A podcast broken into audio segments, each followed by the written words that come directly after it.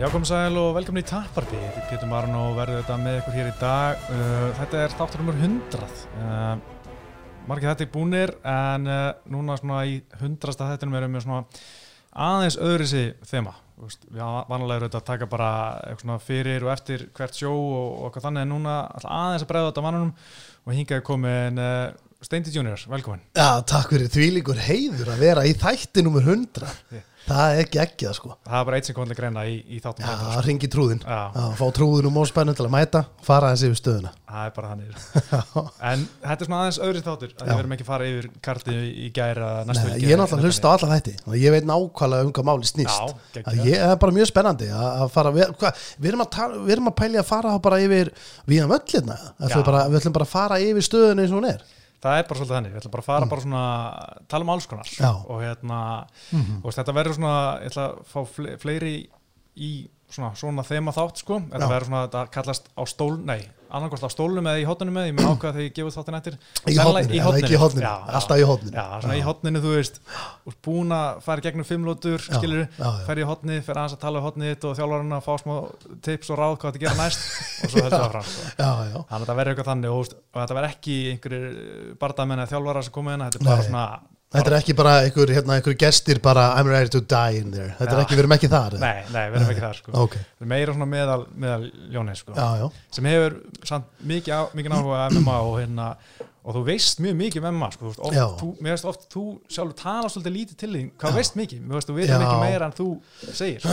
Sko, já, já og nei. Að því að sko, ég, ég byrja náttúrulega, ég byrja mjög ungur ég komst mjög ungur í þetta uh, að ekki bara, að ekki bara segja hvernig það byrjaði? Jó, svona hjá mér og þessi áhugi. Þetta var sérst þannig að þegar ég var úlingur þá voru til spólur, náttúrulega gömlu góðu Vaff og spólurnar uh, í bónusvídeó og í Mosesbæ og í, á öllum eiginlega svona, svona flestum svona voru til UFC 1, 2 og 3 og hérna og maður náttúrulega bara komst í þetta og og þetta var bara styrlaðasta sem ég hefði séð. Þú veist, mér fannst þetta bara að vera í mannbretti ég sá coverið bara í fyrsta skipt ég, byrju, bón, ég er auðvitað bullir, þetta var ekki bónust þetta var hérna, þetta var í Heimavídeó? heimavídeó, Já. í skeifinni við erum að tala um, ég bý í Mosbæ, við erum að tala um strætó og skiptimið og allir pakkin og hérna, og þar var svona deilt sem var með svona öðru sér dæmi. Þú veist, það var hérna Faces of Death myndirnar einhver svona Being Different, einhverja heimildamindur um einhverja Siams týpur og svona hilla sem var með einhverju ruggli og þar var UFC og ég man þetta, ég lappaði hann inn og mann félagi mínum við sá bara hilkið, sá bara gæja skilur við bara, kíkti aftan á þetta bara bannaði, þú veist, man ekki hvað þú veist, hvort það hafi verið bara bannað í öllum fylgjum bandaríkunum með einu, þú veist, þeir voru mitt að skjóta bara keppnir á, sko, í. Og þú veist, bara, eight most dangerous men in the world, ég bara, hvað er þetta? og við fórum hérna beint upp í Mósbæinn, leiðum alla þrjár. Og þetta horfði ég á og þetta var alveg það var geggja sko. Þetta var ógeðslega gaman að komast í þetta. Og svo fór maður að leita og leita af meira. Og Ég meina, veist hvað ára þetta? Er Er interneti komið alveg og hvert heimil lifa það? uh, ég er ekki viss hvort að interneti komið. Það gæti, veist, þá allavega var maður að ringja það inn bara á tali heimasímanum já, og bara ógisla sló og allt í ruggli og öruglega ekki neinn heimasíðan sem var að fjallum þetta sko. Nei. En hérna og þú veist, þetta, við erum bara gamlir Pétur, hann er staðan. Og ég, hérna, ég, ég man eftir að ég fór svo í hérna, hvort það hefur laugar á svítjó eða eitthvað, þar náði ég að finna spólunum fjögur og fimm. Og, þú veist, og ég, það fannst mér bara, það var löngu setna og það var svo mikil fjassi að finna ég bara tjúlaðist sko. Og síðan var bara var maður að spyrjast fyrir og það var ógeðslega erfitt að komast í meira því maður vissi að það var verið að gera meira og þá var þetta að koma upp í kannski UFC, þú veist ég veit ekki, 14 eða 15 eða eitthvað svoleiðis. Og þá var vítjuleganir í bæ stóra njálskutu eða eitthvað sem var með kóperaðar spólur. Þannig að þú veist þær voru að þetta var bannað síðan og svona. Þannig að það var í rauninni þú veist þetta var bara svona bara hilki sem var bara með A4 blaði sem var að krumpa og prenta út og bara logo og stóð bara UFC þú veist nýju skilur það var ekki, enga mynd, það var ekki neitt og mér fannst þetta sko, við, og þá, ég man eftir maður þurfti að fara og filmi fórum bakum mér þú veist, þetta var bara svona eins og í, í veist, það var bara, þú veist, það var bara svona tjald og það er öskubakki bakvið og það var svona þú varst að fá eitthvað, þetta var eins og þú væri eitthvað svona að díla með eitthvað. Ah, og við vorum að, og við náðum þar að komast í sé alveg upp í, þú veist, ég man ekki þeir hættu svo að kópera á okkur tímpúti þá var ég ógislega fúll. Þú veist, ég var að standa í þessu og hérna, þetta er ógislega fyndið maður hugsað tilbaka og pælir í þessu. Já, það er mikið breyst. Þetta er mjög mikið breyst sko og hérna og síðan þá bara, ég er náttúrulega bara bara dyrka þetta og fannst þetta ógislega interesting og skemmtilegt, þú veist, mér fannst þetta svo merkilegt, þú veist, að þegar menn eru búin að hérna, orðni sérfræðingar í sinni uh, bardaðalist og það er keppni þar sem að þú veist, besti guðurinn hér keppur móti besti guðurinn með þessu, þetta var bara þetta var eitthvað svo rétt. Maður var eitthvað auðvitað, auðvitað ja. veist, en núna í dag er náttúrulega margir flest allir kannski svona uh, gæðir sem er að byrja núna og ætla að stefna á bara hérna komast alla leið í UFC og svona, ég, ætla að sé ekki bara að æfa MMA mm en þú veist á þessum tímpúti var þetta náttúrulega bara hann að fólk var bara, liði var að koma öllum áttum. Já, meina, þetta var það sem maður var alltaf úst, pælið þegar maður krakki, bara hvort myndi Cardiga að vinna, þú veist, wrestler eða eitthvað, þú veist, bara, bara eins og Street Fighter skiljum, minna, það voru fullt af ólíkum svona, Mortal Kombat. Já, og þú skilur veist- við, bara sem er besta bíum sem gerði við verið Mortal Kombat hérna, og Billy Madison alltaf, Já, Mortal já. Kombat þú veist, þetta, var, þetta er akkurat það og sérstaklega núna þegar Dana White er búin að hendi Fight Island Mm. þá bara einhvern veginn, það er bara var það veruleika sko. já, fyrir utan að ég þóli ekki að alveg þetta er Nei, nei, þetta er gælt Keyrt svo, þangað. svo sýnis ringurinn einhvern veginn alltaf mest af ströndinu við sjónum. En þú veist, þetta selur, Já, þetta þetta er stemning. Bara virkaði mjög vel. Mannstu eftir bara, þú veist, að hafa sér fyrsta þú veist, þá náttúrulega á þessum spólum, þú veist, 1 til hérna 12 og mátti eiginlega bara allt nema, Já, þú veist, já, þú veist, það voru ekki það voru ekki, Mhm. og þú veist, þú, þú máttir allt nema held ég að poti augu og, Mhm. og hérna þú máttir ekki gera fishhook Já. sem ég fannst alltaf mjög skemmtilegt mér svo fyndi pæling ef ykkur alltaf með puttan upp í þau og toga að það, þú veist, þú mátt gera allt annað Mhm. Já. en ekki gera það einmitt, þú mátt kýla ykkur til pungin Já. ítrekkað já.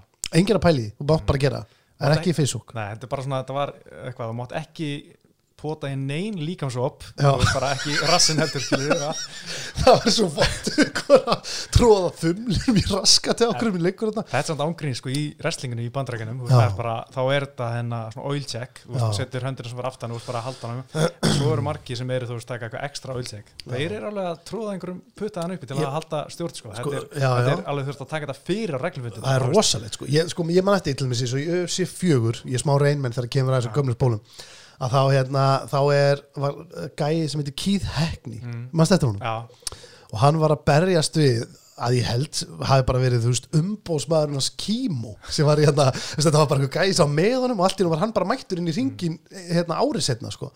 Og hérna það var moment þar sem að hérna, hlustendur sem hafa ekki séð þetta geta flettið sér og glöp og fundið strax á YouTube eða eitthvað. En hann liggur bara onna á honum og er að berja hann í pungin hann liggur bara onna á honum búin að ná honum í eitthvað smá svona grip og er bara kílan á fullu viljandi í pungin. Og það, það, það bara var í lægi já, þetta þetta var, þetta sick að horfa á þetta sko. Þetta er náttúrulega bara eitt að bara svona þetta er svo, þetta er svo ódrengilegt. Já, þetta er því mér finnst ótrúlegt að einhver myndi þótt þetta sé í lægi, eða þú veist þótt þetta sé, þetta er ekki í lægi en þótt þetta hafi verið löglegt að, að hérna að samt bara fer ekki yfir sko. Þetta var eða, Keith með Joe Sonny aðeins að klóra upp að ég sko menn voru við náttúrulega pínu svona akkur hann að gera þetta? En síðan Mm. voru menn pínu, pínu ánægð með þetta eftir á því að Joe Son fór síðan í fangelsi fyrir nöðguna eitthvað þannig að svona, ah, ok, hann átti þetta skilið. Já, já, já, já, já, það er mjög góða punktur. En þegar maður sá þetta fyrst þá bara, bara þetta var bara algjörlega styrla Já, Vist, ég man sko náttúrulega fyrsti svona barða sem ég horfði á sem ég fór ekki að pæli, það var sko auðvitað, ég man ekki 2007 eða 2008 eitthvað, eitthvað það árið það var BJ Penn á móti Joe Stevenson það var ógæslega mikið blóð og ég var bara, fokk, þetta var, var rosalegt sko. já, fórst allir að efast um bara hvort að þetta sé ykkur íþrótt sem ætlar að vera að horfa meira á eða? Nei, ég var bara strax bara, ég fíl þetta Já, þú, þú varst þar, Já. já, já, því að það er ókslega margir sem einhvern veginn eiga mjög erfitt með að horfa á uh, þú veist UFC, þú veist, því að það er svona það sem Íslendingar kannski fara mest í, Mhm. þú veist bæði út á Gunna og Conor og þessu. Og það er alveg barndarna sem fólk er bara, þetta er bara dörti sko. Þú veist, ég er alveg til að horfa Gunna en ég ætla ekki að horfa það sem gerist á undan og eftir. Mhm. þetta er bara, ég er bara svona rétt að stilla þess að gunna þetta er alveg dörti Ég skil það álega því, þetta er náttúrulega, þú veist, svolítið hérna Já, þetta er brútal. Þetta er er það alveg, þetta er brútal. Þurfum ekki að þykjast að það sé eitthvað, neini, það er allir Nei, nei. Ég lægi eftir þetta algjörlega, en ég er alveg til að taka slægin hvena sem eru við hvert sem að, sem er, fyrir fólki sem er að segja þetta sé ekki íþrótt. Mhm, Já, það finnst mér svolítið, en, en við nefnum ekki tanga hér, Nei. en ég er að segja svona en þú veist, en, en, en jú, ég, maður skilur samt alveg fólk sem bara svona þetta en það er ekkit verið að óta þessu aðnefn ég, þú þarfst að sækjast í þetta, það er engin þetta er, er hvergi syngt í dag. Já. En uh, sko, hvað heldur að vera svona, svona kveikti áhugan hjá þér? Þú horfður á þessar fyrstu spólur og e, úst, þessa Mhm. fyrstu MMA barða sem varst, úst, hvað var það sem var svona, herri, djúvel fílaði þetta? Uh, já, sko uh, þú veist, ég náttúrulega bara var, maður var líka að horfa á maður var að horfa bara margar íþróttir maður var að horfa á box náttúrulega, þú veist, þetta er við erum að tala um að þetta er bara þegar Tyson er að býta eirað á Holyfield, er bara þarna í, í þessu leiti og það er allt í gangi og bara enn karvan, bara Jordan og þú veist, það var allt, allt að gerast þarna. Og þannig að þú veist, maður var bara, maður komst bara í eitthvað nýtt Já, og mér fannst það bara vera svo sturlað og, og það er eiginlega, eiginlega bara og svo náttúrulega var ég líka bara með mikinn áhuga sjálfur á, þú veist, félagi minn er hann er einn af fyrstu sagt boksurum uh, landsins, veist, nei ekki fyrstu boksurum landsins, hann er fyrstu svona þegar að byrja að kenna boks Mm.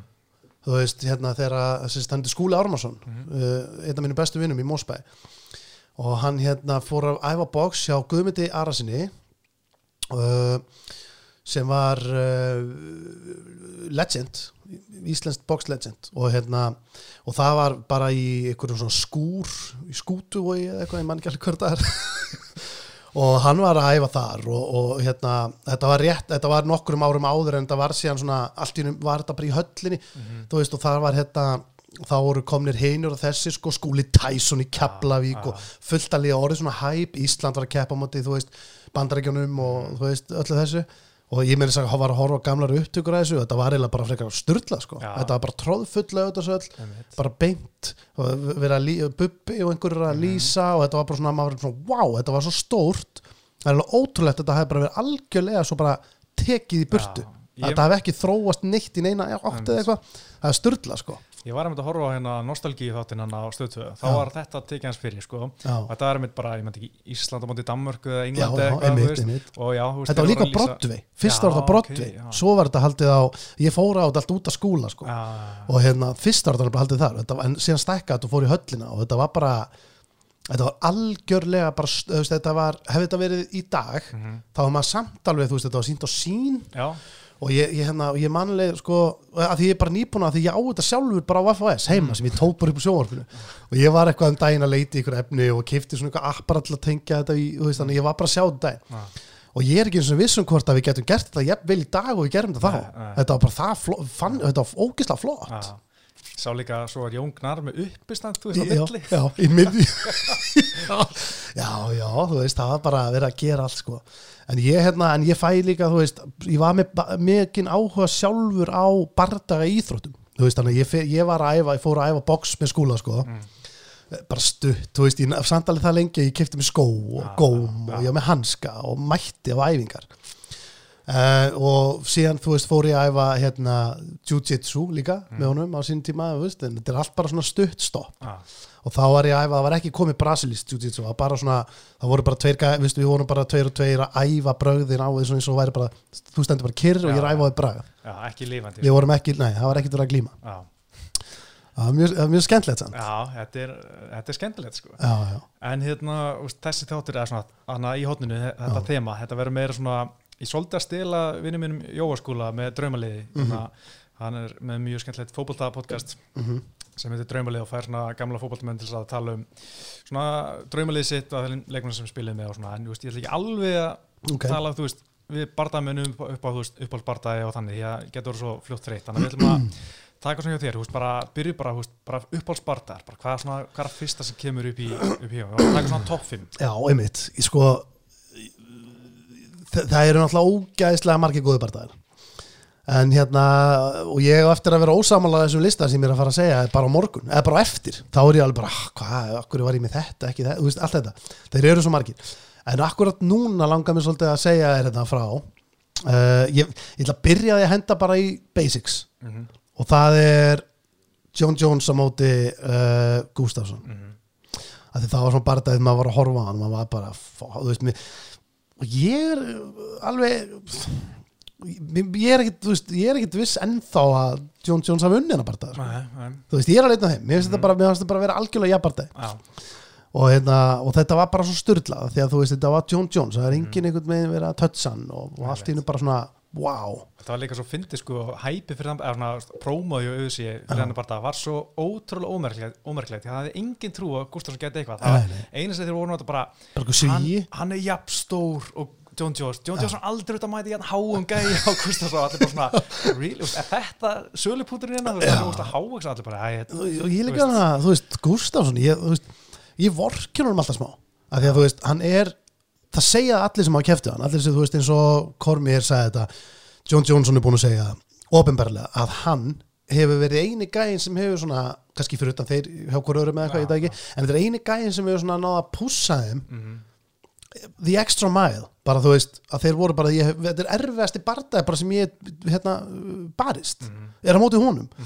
Og það segir þetta allir sem mæta honum einhvern veginn og, og hérna og svo núna þegar hann sneri, þegar hann ko- fór í hefjiveikt núna bara um daginn og tapar bara, þú veist, á okkur nokkur sekundum hann skilur, maður er bara svona, ah, goddammit maður, því að hann, ég get alveg trúið að hann geti verið, þú veist, hann er, ég held hann sé trilltur hefjiveikt, sko. Já, já, maður vonar að þetta takk ekki allt loft úr honum veginn, ég, ég held með honum. Já, ég, ég ger alltaf líka því, þú veist, náttúrulega, og jú, svíja þekking, en að tengingin alltaf fín, alltaf, en mér finnst svona, hann er nettur, sko, líka, þú veist, hann er búin að vera pínu óöpinn, hann fekk hann að, barða á móti John Jones, Já. bara ógeðslega nálægt í að vinna, hann þegar enginn bjóst við því og bara styrlaði barðaði, Mhm. fekk svo rímað, veist, bara hálf ára setna, bara instant rímaðis, meiðist og þú veist, og En er máttu bara ekki- frestast og Já. Kormir kemur inn í staðan og það kemur slagurinn hann þegar þeir slást og þá er allir mann að gleyma Gustafsson, hann ítir liðar og það. Hann fær ekki rímað sem fyrir, veist, fjórum árum eða fimm ára setna og þetta svona og það, og það getur engin unni rímats við John Jones. Nei. það er búið að reyna það margótt, það er ekki hægt. Þú tötsar það ekki. Það svo, hann búin að vera óöpinnir það er það. leiðilegt svona, ah, hann hefði getað náð aðeins lengra. Ég veit að ég er alveg sammála. Sko, næsti barndagi, hann er líka svolítið gefins. Það er uh, Conor McGregor móti Díaz 2 Mhm. Það var, þú veist það er eitthvað sem við þú veist, maður dýrkar óksla marga uh, maður dýrkar óksla marga auðvitað barndagamenn en það er eitthvað við Conor sem lætum hann uh, svolítið, er þetta útskýrta? En þú veist, þegar, þegar þú ert að horfa á auðvitað þú ert bara, þetta er geðu ykkur bardagi og ég held kannski ekki einu svona ég, hef alveg lendið að vera bara svona eins og með, þá þá, var ég alveg bara svona að, alveg, alveg saman hvað vinnur. Mm.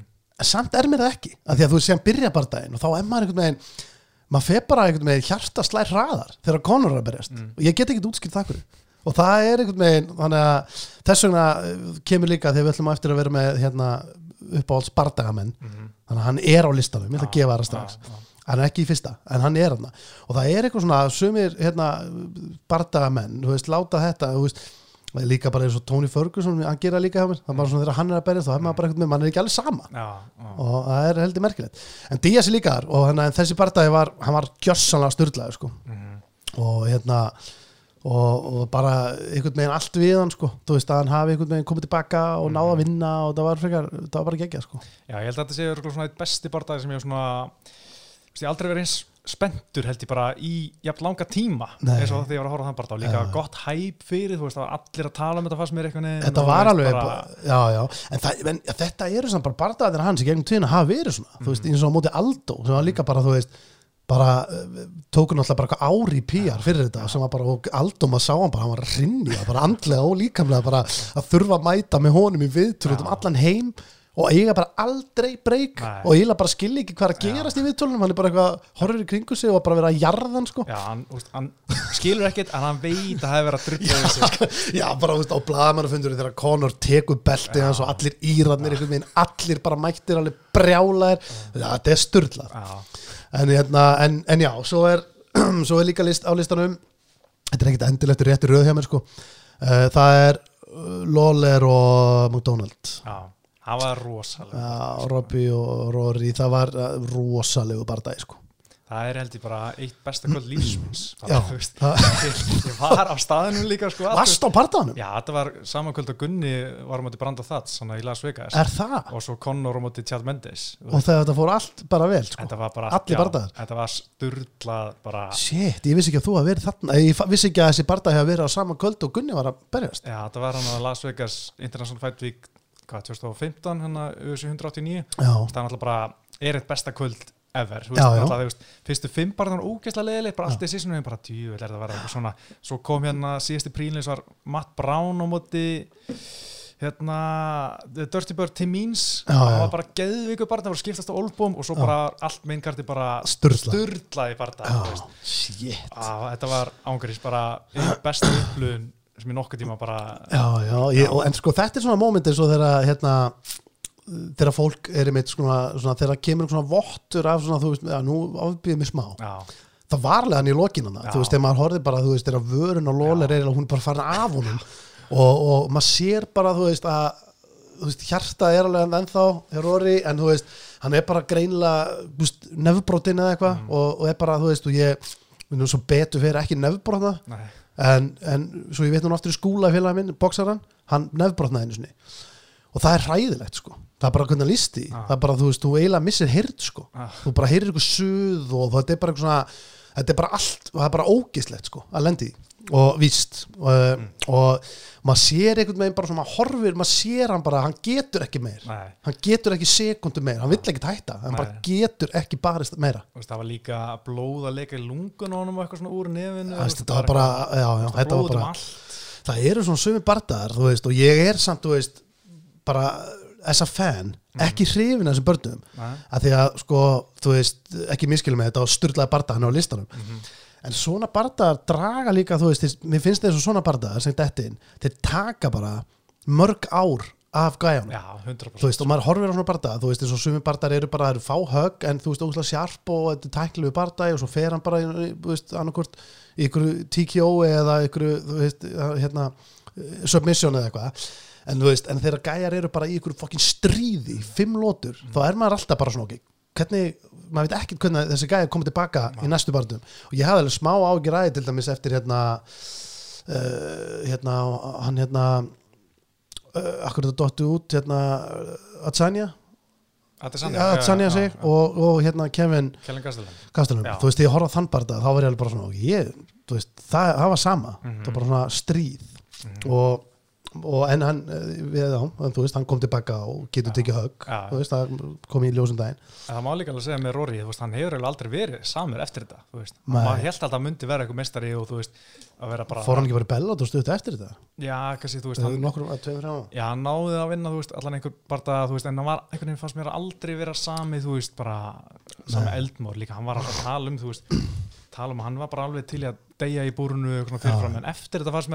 um, þú veist ég held að hann vildi ekki fara ánga aftur sko, Nei, sem nei. hann skilur 100% Já, þetta er bara hræðilegt að vera en veist, að það er rosa erfitt að þú veist, hafa fara þú veist, í svona mikið myrkur eitthvað og að vilja veist, og fara aftur í aðstæð sem geta leiti í Þegar, þú veist, það má ekki gleyma því, þú veist, pældu í því þessar íþrótt, þú veist, að maður fyrir í að þú náttúrulega þekkir þetta vel að því að þú ert búin að vera að æfa sjálfur, en þú veist, vennilegt fólk sem er kannski að hlusta á þennan þátt þú veist, það hafa allir farið í einhverja gannislægi, mm. tveggja mínuna gannislægur, hann getur bara hann getur eðlat fyrir manni bara næstu þrjá daga. Bara, harð, bara svona nóð, tveggja þryggja mínuna nóð og þú ert bara, þú veist, þetta er ógislega erfitt. Ég myndi að vera bara í alvöru fæt í hálftíma, Já, það er styrla sko. það er algjörlega styrla sko. Já, það er bara allt undir í hálftíma. En uh, næsti, sko, nú koma tveir skrítni bardar það hefur ekki aðeins að jazza þetta upp. já, sko, næsti bardar, það er ástæða fyrir hún það er Ben Askren á móti Robbie Lawler. Já. Sem var að mörguleitin alltaf alveg óþálandi bardæja því að þú veist uh, já, menn getur nú alveg rífist um það hvort að Robbie Lawler hafi dottið hann út í nokkra sekundar eða ekki. Uh, en það skiptir ekki öllu fyrst mér, það er bara ég var hann sko. Ég fari á nokk, ég fari nokkur svona á UFC en, en hérna en ég var ekki farið, ég hef einu sinni bara verið í Vegas á UFC og það var þannig og það var bylstemning og bara geðveik stemning þarna.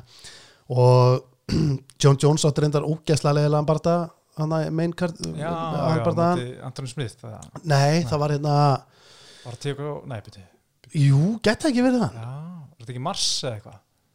jú, Já, jú, þetta var í mitt á uh, held ég, ég var í tökum þarna. ég var í tökum á góði landsmenn. Og við vorum hérna þurftum að fara til LA Vegas ætlum bara að stoppa í einhver, einhvern einn dag bara bruna, taka upp þetta sem við þurftum og fara. En síðan var þetta kvöldið eftir eitthvað, ég bara var úti ég var úti, ég var bara, byrju er ég að vera að ná þessu? Og ég bara einhvern veginn, og kiftu miða bara með dags fyrir var Já. þetta var, það var ekki uppselt. Nei, ok. Heldur spes. En þetta var bara, þú veist, ég er bara búin að vera ég er búin að fylgjast með Ben Askren. Mm. aðeins lengur en kannski margir Mm.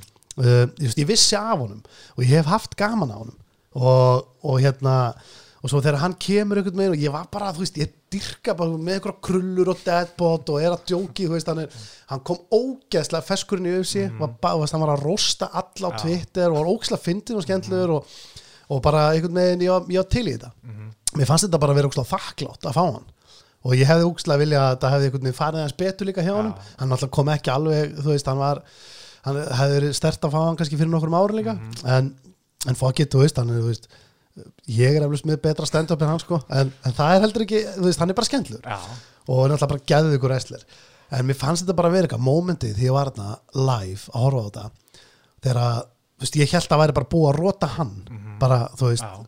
og ég horfði, horfði bara á þetta og ég var líka í bara freka fínu sætum þannig séð, þú veist, ég var að horfa á ofta er maður bara að horfa á skjáin Já. en ég var alveg að horfa til skipti, skilur og momentið þegar hann einhvern veginn þraukaði þetta groundupónd Mhm. og næra snúa sig við og þegar hann tekur hann og hann horfir upp í krátið og ég er ekki að djóka, hann horfði á mig Pétur, hann horfði áttina til mín og ég var akkurat þeim megin og ég horfi basically bara í andlita á hann og hann er bara með lólur bara hérna undir sem var ekkert að komast úr þessu Mhm. Þú veist, þótt hann hafi ekki verið búin að þótt hann hafi þótt að hafi verið eitthvað gameplan hjá honum þá hefði hann samt dottið út sko mm. þú veist, það hefði bara tekið aðeins fleiri sekundur Já.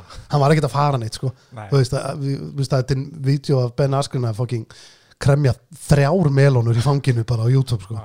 hann var ekki að fara neitt þannig að þú veist, momentið bara var einhvern veginn með hann svona í einhvern svona old school bóndatæki Já. þetta var ekkert eitthvað fancy tak sko það var bara svo ógisla stert að þetta var bara störlað þannig að ég ætla að setja þetta á listan í dag. Já, ég er ánægð með þetta. Mér fannst þetta, þetta var ógeðslega skemmtileg bara. Þetta var bara Þetta var geðveikt. fjóra mínútur eða eitthvað. Það gerðist allt bara sem það gerst ég veit, ég held að hann hefði ekki eins og náð þessu. Þetta var bara, þú veist, hann ætlaði eitthvað lólerinn bara henda honum upp, Já. neldur hann niður og byrja bara að berja hann í klessu og það var ok, þetta er bara búið. Mhm. svo einhvern veginn náði hann að þrauka og þetta var, þetta var bara geggja og það var legendir í viðbröð hjá Robbie Lawler sem náttúrulega tröll reyð internetinu eftir á þegar hann, hérna, hann var svo brjálaður í nanosekundu. Svo kom hann bara beint hver var þetta að dæma þetta? Það ætlaði ekki að vera hörpjá Búið beint á honum bara sorry maður Búið geggjaði dómari maður og bara þú veist skeita á mig maður, ég æsti maður. Bara, dude, þú æsti þig í sekundubrót by the way sko. Og maður heyrði þetta líka núna þegar hann var að hérna, hann tapaði núna bara um daginn að, hérna uh, þá var hann í hotninu sin bara yes sir, yes sir, bara hefi kurtis við Já. þjálfaran sinn og það er einhver algjör agi á manninum. Það sem bara gott, Já. það er mjög, mjög flott. Robby er merkileg típa sko.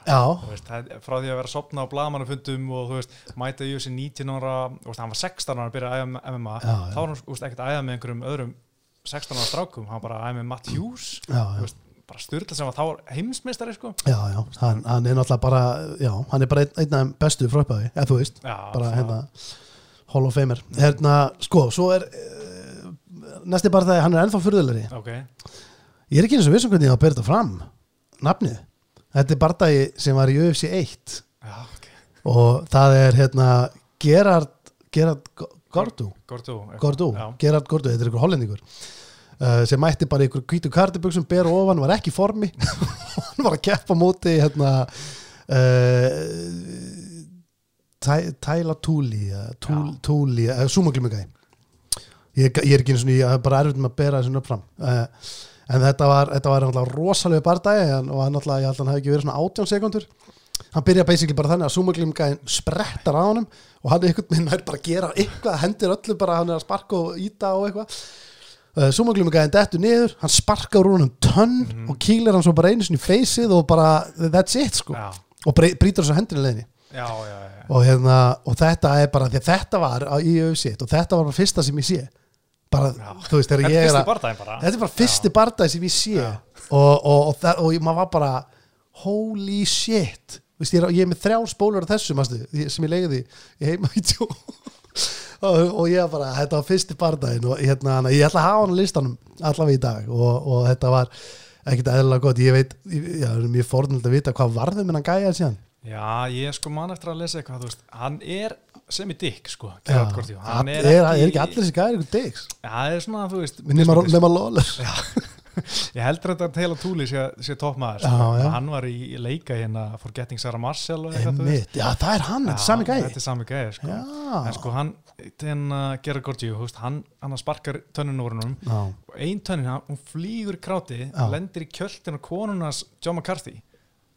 What? Ha- og hann var hann að John McCarthy, ég manni hvort hann var að dæma þennan bara eða hann var eitthvað að sjá um regluna bara strax. Og hún bara, nei, þetta er ekki fyrir mig að lappa út sko, bara, bara tönnu beint þang og síðan var önnu tönn sem var í ristin á Gerard Gortjú en þeir gátt ekki að tekja hann út af því þú veist, þá múti blæða svo mikið. Já, að þá bara, herri, þú verður bara með tönnuna þá múti búin, þannig að hann kefti því tvo parta viðbót með tönnuna úr í ristinni og handlisbrotin já, Við erum að tala um þetta er auðsí Já. Örgulega 91 eða eitthvað. Eftir, 90, já, 93 93 já, þetta var náttúrulega Þetta, þetta er rosalegt En talandi um John McCarthy, ég held að hann geti lag með alla sko. já, Ég held að hann geti lag- mætt bara inn í ringin bara alveg gjörsanlega óundibúin bara og lag með alla þessa gæða sko. Sko ég held að margir myndi lemja hann Já, já. ég held bara þú veist að þú myndir ekki þóra veist, Nei. hann, hann skammar þig bara Já, já. á- þú veist, þú myndir vera svo lítill í þér og bara svona Því veist- góðsögn bara, ok, sorry, ég ger allt sem þú segir Já, og svo ertu með Joe Rogan með fullt af hári maður einhvern veginn að kynna þetta bara ógeðslega grannu með fullt af hári og ekki búin að vera bara á háki hái bara í morgum að bara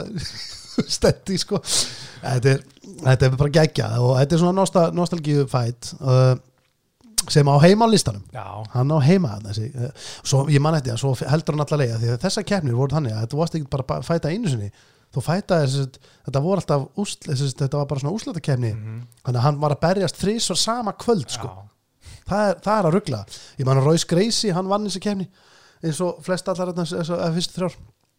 Uh, nei, myndi, hann vann ekki þriðu hann sko Steve Jennum vann þriðu einhver gæi sem kom bara hann bara náði einhvern af því að var einhver annar sem datt út ég held að hann að sko manningkortan nummer 2 og 3 hóis greisi datt út sagt, og hérna í undarúrslutum eða eitthvað svo leis og Já. þá kom einhver annar reyn og hann, hann náði ekki að já, já. hann, hann var ösið þrjú þá hérna að hafi hann eftir eitthvað fyrsta bartan já, það var eitthvað sko, eitthvað. tveir algjörlega bara random náungar sem Já. voru Steve Jennum á móti þú veist, Harald Howard eða eitthvað, sem var eitthvað svona, svona kardigæmi möllet brjálaður, en, hérna, en já þetta er, þetta er mjög skemmtilegt og, og ég man eftir líka sko sem ég fannst alltaf svo dörti af, Royce Gracie að hann var sagt með hendina sem var brotin og hún var vafin, Mm. maður sá bara ógla bólgin og þetta var bara svona hræðilegt dæmi.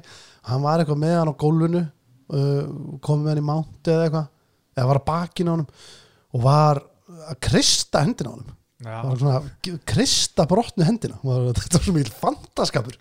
Þetta var líka sko, ég held að gera þetta að vera sko að hann alltaf sleppti mjög seint en að tjókina hann hóiskari sig hann að dómur var ekki aðeins að rífa á hann hann var ekki alveg til að sleppa það strax því að Gerard sko var ekki að býta hann það var að reyna hérna Já, já, það var eitt sem mátti ekki. Nei, það var- mátti ekki bíta. Já, það mátti ekki býta mátti ekki býta, pota í gött augu og rassa og fleira og ekki fissúk. Já. Já. þannig að hann var aðeins að hefna sig með því að halda tjókina aðeins lengur og örgulega eitthvað pína með höndinu með það.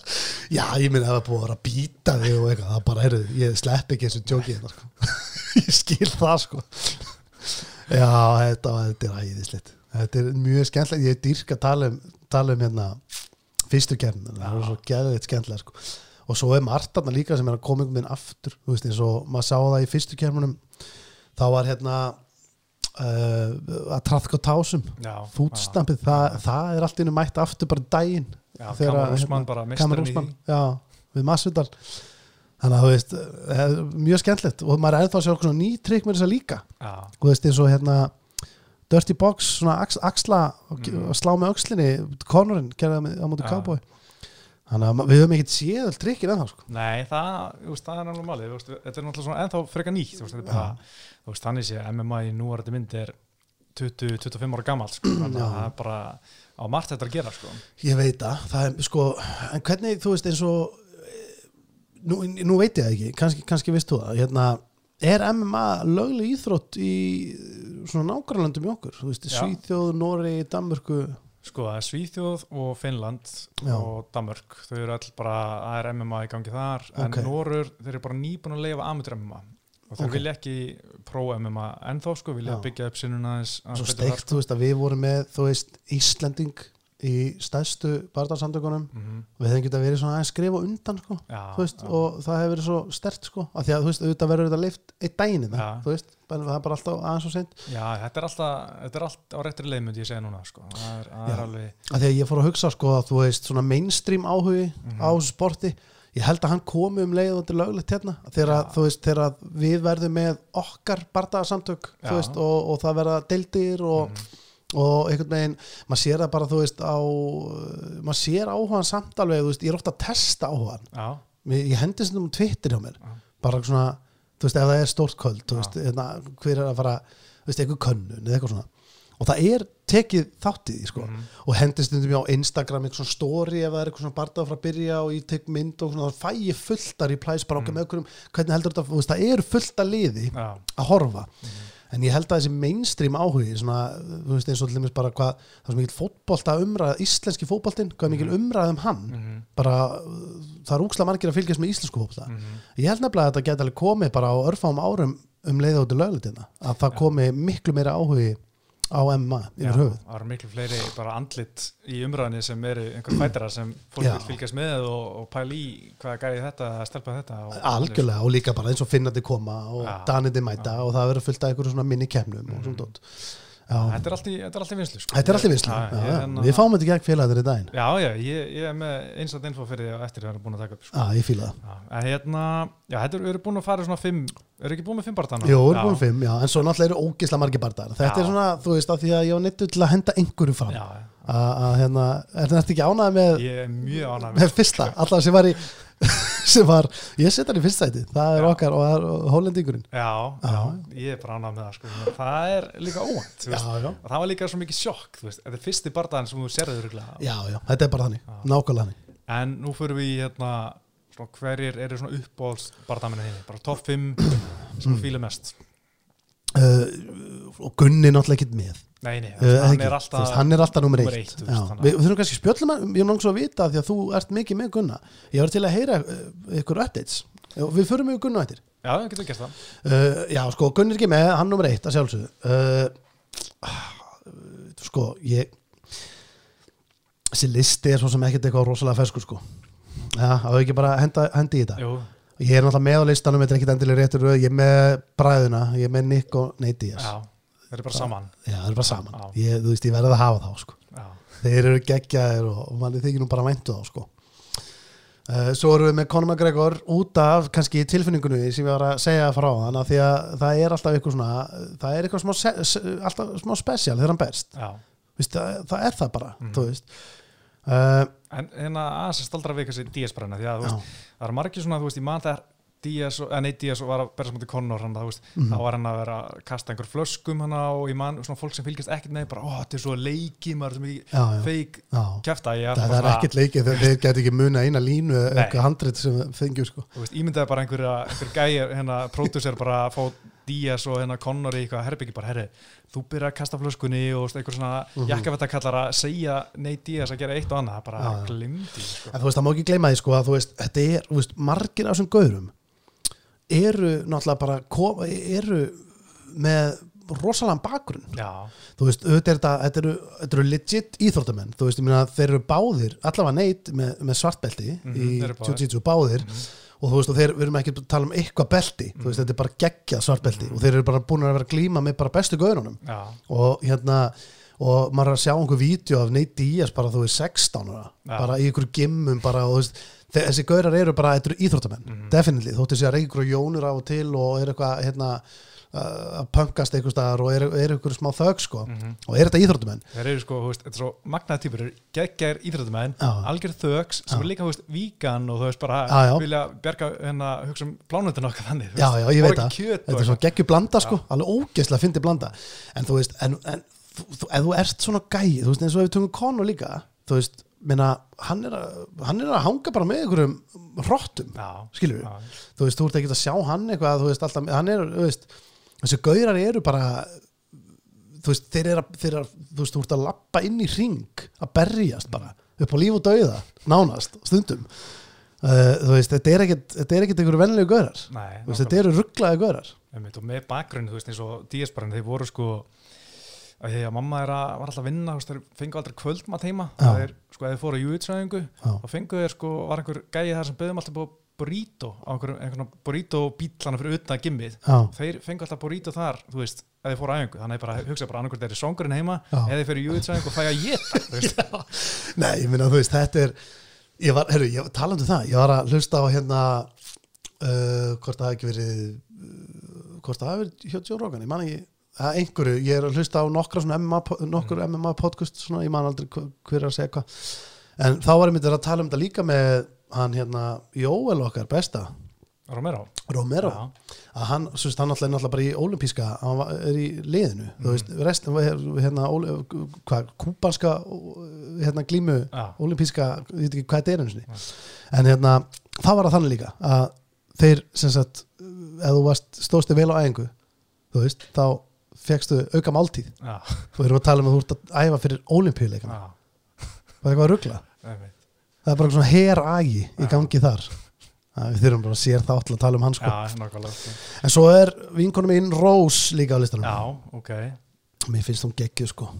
Hún er líka uh, svona skemmtileg típa, ógislega skemmtileg típa og hún er bara svo, er svo það er svo ó, hún er svo ógislega tæknilega góð. Mhm. þú veist það er bara svona þegar maður er að horfa á hana og þú veist, jújú, jú, nokkrar þú veist, það eru það eru nokkrar sem eru geggjaðar. Líka hún hérna Weili uh, Jóhanna þú veist, Amanda Nuns og allt þetta Valentína, það eru nokkrar Mhm. sem eru bara svona það teknikal, þú veist, það er svo gaman að horfa þér Mhm. Þú veist, og, en mér finnst hún einhvern veginn samt uh, mér finnst hún alltaf einhvern veginn best. Já, mér, finnst hún svo geggjaðu stíl og bara þegar maður mér finnst bara svona, það er unun að horfa á hún að berjast. Já, mér finnst það líka gaman hún er svona, hún lúkkar eins og fætir, hún er snóða hár og svona, það, svona, svona smá töff þú veist, já. og svona eitthvað, ég, mér finnst það að mér finnst það eitthvað svo ógislega svalt við það þegar þessar grjótörðu pýr er að fæta Mm. og ég meit eins og þú ert að tala um, þú veist, það eru snóðar er búin að setja hári í einhvern snúðmaður og er einhvern veginn koma með glóður eftir erfitt kampmaður og svona en síðan þú ert að horfa á hérna, sem sagt uh, uh, dagbækunar, UFC uh, Embedded, já. að þú veist, það er að liðið mætt til Vegas og er svona aðeins að taka þér rólega Mhm. Að þú veist, það er að samt að láta naglalakka sig á snirtistofum og vilja mæta fína já, og það er eitthvað, mér finnst það eitthvað svo beautiful með það að vera svona, þú ert að fara, þú veist, þú ert búin að að æfa þvílíkt út með glóður mm. nýbúin að snóða þess og hárið sig ekki fyrir svo ertu að láta aðeins að naglalakka. Já, það finnst það geggja sko. Ég fíla það, en hún er þetta uh, svo er John Jones þetta mm. og svo ætla ég að hafa Royce Gracie hérna líka. Já, já, hann er hann auðvitað, hann er þú veist hann verður að vera þarna. Og pældi hvað hann, þú veist hann, hann var þetta var svo trillt fyrir sportið, þú veist. Það, það vissi enginn hvað hann hét Mm. þú veist, að, svona, þeir örfá í kringum mig sem hafðu komist í þetta á einhvern tímpúti það var enginn sem vissi hvað hann héta en það var alltaf bara, já, betur ekki eitthvað pínlill gæi sem er alltaf að rústa þessu? Þú veist, hann var þessi gæi, hann var pínlill gæin sem var alltaf að rústa öllum. Einmitt. það er eitthvað, það er skemmtilegt Gracie fjölskyldan var svolítið svona að velja úst, hvernig er þetta að senda í þetta Mm. þá völdu hann í staðan fyrir Hickson Gracie sem var Hickson Gracie var úst, besti fætirinn í fjölskyldinni Mm, mhm. þannig að völdu hann að því hann var svo lítill það var gott svona, gott svona marketing að senda litla gæðan með veist, það var gott fyrir að, að selja Jiu-Jitsu og Jiu-Jitsu var svolítið svona sprakk svolítið í bandarækjum eftir það og stuttu eftir fóru Fertítabræðinir og Deina Vænt eitthvað fyrst í Jiu-Jitsu af því að þeir sá þetta bara, herru, já, já, og ég held að Fertítabræðin hafi verið í einhver tíma hjá einhverjum haus, einhver, einhverju grösisi hérna áður en við kiptu USA Aha, Já. en, en ég, myndi það samt líka bara þú veist, að þú vissir ekki neitt þú veist, þetta er segjum að við spólum alveg tilbaka áður en auðvitað eitt kemur. Mm og þú þyrftir að vera eitthvað að gíska svona, ok, hvað hva er besta barda í þrjóttin? Já, Jiu-Jitsu hefði aldrei verið top 5 skilur nei, maður væri bara eitthvað, og kickbox eða já. þú veist, það er, skilur þú værir eitthvað stað þar, þú værir aldrei að pæli ég held að þú veist að ég held að uh, þetta var svo mikið eye-opening bara svona að þú getur ekki barast á jörðinni. Það var bara fókt, þú veist, í alveg tala Já. að þú mæti bara og þú getur ekkert gert í jörðinni, það áttu bara ekki breyk og það var úkslega mikið eye-opening held ég bara svona í bara svona martial arts heiminum þú veist að fólk var bara svona, já, einmitt. Það er ekkert nóg að geta bara sparkað og kýlt. Ég meina þetta var, þú veist, karate var ógeðslega vinsald í bandarækjunum eftir að hérna, karate kid kom Karate út og eitthvað, allir voru bara, allir vildi að hafa karate og verður bara geggjaði nettir að taka einhver spörk og öll eitthvað barnaamali horfði á Karate Kid og fóru bara beint út í gara slást já. og sé að, þú veist, kemur hann að einhver karate gæi og honum er bara að pakka saman, þú veist, Já. í UFC og þá, verður svona eitthvað bara svona, beti, já, þú veist, getur ekkert nota karate í gólunni, veist, Nei, nei, og svo, þú veist, svo náttúrulega kemur líka bara, þú veist, þessi bylgja, þú veist að þú þarft bara að kunna jiu-jitsu eða sambo eða eitthvað þessu en síðan núna ef komið í ljós að, þú veist, wrestling er bara Já. yfirbyrða besti bakgrunni sem getur Já. haft, ef þú kemur úr einhverjum svona, ef þú kemur úr einhverjum heimi ef þú ert Já. ekki bara byrja núna að æfa MMA en, þú veist, þá er wrestling bara yfirbyrða best, þú veist, það er eitthvað sem er líka ekkert það, þú veist, það kom ekkert í ljós það kom bara nýlega í ljós, Já. ef þú pælar í því bara fyrir nokkurum árum Þetta er búið að koma svona í bylgjum í það, þú bylgjum. veist, Kom hann að uh, Hausgreisi var wrestlaður og hérna þegar Mark Coleman kom skilur á sín tíma Já, já. þá var hann geggjað wrestler úst, ennþá í skónum og þú veist Nei, já, og bara byrja með eitthvað ground and pound þá var menn bara ok, er hérna, þetta er gæði sem getur gert eitthvað meira, þetta er bara Nei, submission menn, og, sér, þú veist, það er ekki langt síðan Gunni fór í, veist, styrtarþjálfun og, og fekk inn wrestler Já. til að vera með sér þú veist, skilur, þetta er, þetta er, þetta er svona uh, þetta er freka nýlegt skilur, við getum orðað þannig, þótt að þú veist ég er ekki að segja þetta að gæst í gær, Nei. en þú veist þetta var, þú veist, eins og þessum tíma og kannski, mér fannst þetta að vera bara svona umræði allavega, þú veist, þá þú veist, early 2000 eitthvað, það var bara, þú veist, jiu-jitsu er shit, já, já, sem er alveg ennþá Já. þú veist, ég ætla ekki að taka neitt frá því nei, nákvæmlega sko uh, eru konum við fimm eða? Uh, já, og ég held að, þú veist, ég var ekki með uh, uh, GPS, Anderson Silva Aldo, þú veist, allir þessi gæjar, ég dýrk þessa gæja, sko. Já, uh, Þetta á listin í dag. Já, Þannig að allt verður svo morgun, ég get lofa því. Það er eitt gæði sem ég er alltaf miklu uppáldi um mér, það er enna Robert Whittaker. Já, ég veit það, þú hefur sagt mér það. Já, ég veit ekki bara- Hann er gegn, hann er, þú veist, já, já, þú veist, hann er hann er bara einna, hann er svona smá lóler í honum. Hann er bara heiðalugur og hann er ekki með stæla og, og, og er bara geggjaður. Mhm. en, en hérna þegar hann var að keppa núna uh, síðast upp á að verja beltið nei, var hann að verja það? Jú, hann var að verja það síðast þetta var Aðalbeltið, hérna Darren Till já. já, Darren til var síðast, já svo þar undan Adesanya já, já, Adesanya, þannig Adesanya þegar hann var að, hérna upp á beltið þá vissi ég ég vissi eiginlega fyrirfram að það væri eitthvað skrítið í gangi með hann sko. Mm. að því að þú veist, ég veit alveg að hann var, búin að, var komin í smá svona burnout sko, Mhm. vildi smá break og vera bara með familíni gerrit sko, all good en það var ekki það, þú veist, hann var hann, hann var alltaf einu byrjar með stæla. Já, tókst þetta í? já, fyrir Adesanya Já, já. Allt einu var hann, hann var byrjar að trestokka Mm. og með stæla og svona og ég er svona, það, meðast þetta verið eitthvað svona weird að koma frá honum eftir öll þessi ár, mm, akkur þarf hann að gera það? Mm, og það var eitthvað svona sem fannst ekki alveg þá vera svo bara, já, svo, mitt, svo var hann mjög aggressiv líka bara í fyrstu lótu einhvern veginn og, og bara eldan einhvern veginn og ég, hérna ég held að það sé enginn að fara að vinna þetta segni ég næri strax. Nei, en Pála Kosta, hva, hvernig heldur það að verði? ég held, sko það er allir að tala um að veist, hann er ekki það mikill rótari nei, á pælir í, þú veist, hann er ókslega sterkur og allt þetta og, veist, og maður er ekki síðan einu svona berjast það mikið, þannig að gera svolítið rætt í honum. Og ég meina, ég myndi segja að Jóel væri meira rótari og flest allir sem hann hefur keft við eru þú veist, hann er á hann eitthvað sem er bara svona, hann lappar að gauður kýla hann í rót sko hann að pakka svolítið Johnny Hendricks saman en það er kannski ekki mikið svona árið Nei, en hann, 2020, brýt, hann brýtur þess að niður í börnum Já, hann, hann, hann lemur svona- bara, hann tekur allt úr þér já, en hann er ekkert að fara að gera það held ég nei, en það er svona hann nær því ekki veist, eða, hann alltaf tók, hann er búin að vinna Jól Romero Mm. og Uriah Hall John Hendricks og einhver minnispámin þetta er Já. ekkert eitthvað rosalega nöfn þú veist sem hann er búin að vera að taka og hérna nei, og nei. engin svona one punch knockout power eins og, eins og segir sko Já, að að veist, mér finnst einhvern veginn alltaf svona, þú veist, að því hann er alveg smá grannu, sko. Uh, að þú veist, og er ekki teltur rótari en, Mér finnst- en mér finnst einhvern með eitthvað hann er tæknilegur, þá finnst mér líklega að hann á að róta Mhm. frekar hann að vera rótaður í þessum barða, Mm. en ég veist, ég myndi ekki þóra ég myndi ekki þóra að veðja hárri upp að þetta, Nei, nei. ekki svona barða en, en hérna, já. Já, já, ég, ég held þetta veri ég held þetta veri þægilegri bardagi fyrir hann en síðasti Já, móti Romero. Já. já, já, eiginlega, mest Rómero og hættulegri sko. Já. En Romero er náttúrulega mjög skeri gæi en en hérna, hver finnst þér svona mest skeri gæi sem þú myndir aldrei vilja mæta, þú veist, í MMA Það er Francis maður. Engano Ngannou. Jesus Christ sko. Bara þegar hann rótaði órim mm, það bara, þú veist, það satt í manni sko. Já, í alveg tala, það var bara, þú veist, ég, vill, ég bara myndi ekki óska neinu manni að lendi í þessu uppekötti sem hann fekk en þú veist, hann er bara uh, hann er, þú veist hann vill lengi keppa við hann sko. Hann nennir honum enginn.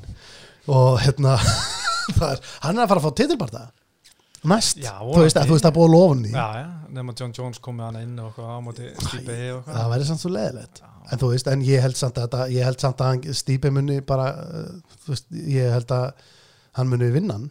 John Jones nei, nei hann, já, Já, já, ég held að, að þú veist ég held að nú Garnus er búin að þró, þróast alveg eitthvað á þessu tveimur árum með stípi líka. Já. Allt hann að sjá hann, hann er En- geggjaður. Já, algjörlega, en, en með svo fyndi Bengan, þú veist, maður læri aldrei neitt nýtt að hann, hann er alltaf bara búin að rota eftir veist, 50 Já, sekundur en bara, en hann er ekki að fara að lappa bara hlaupa upp á honum eins og hann gerir um daginn. Já. hann er ekki að að hlaupa upp á honum bara að kýla nýju sinum frítt og bara rótan Nei. Bara, myndi bara taka niður eða, eða, eða, hann all, myndi allavega kíla á móti Já, ég en að ég held að, ég held að hann er alveg smá í land með það sko.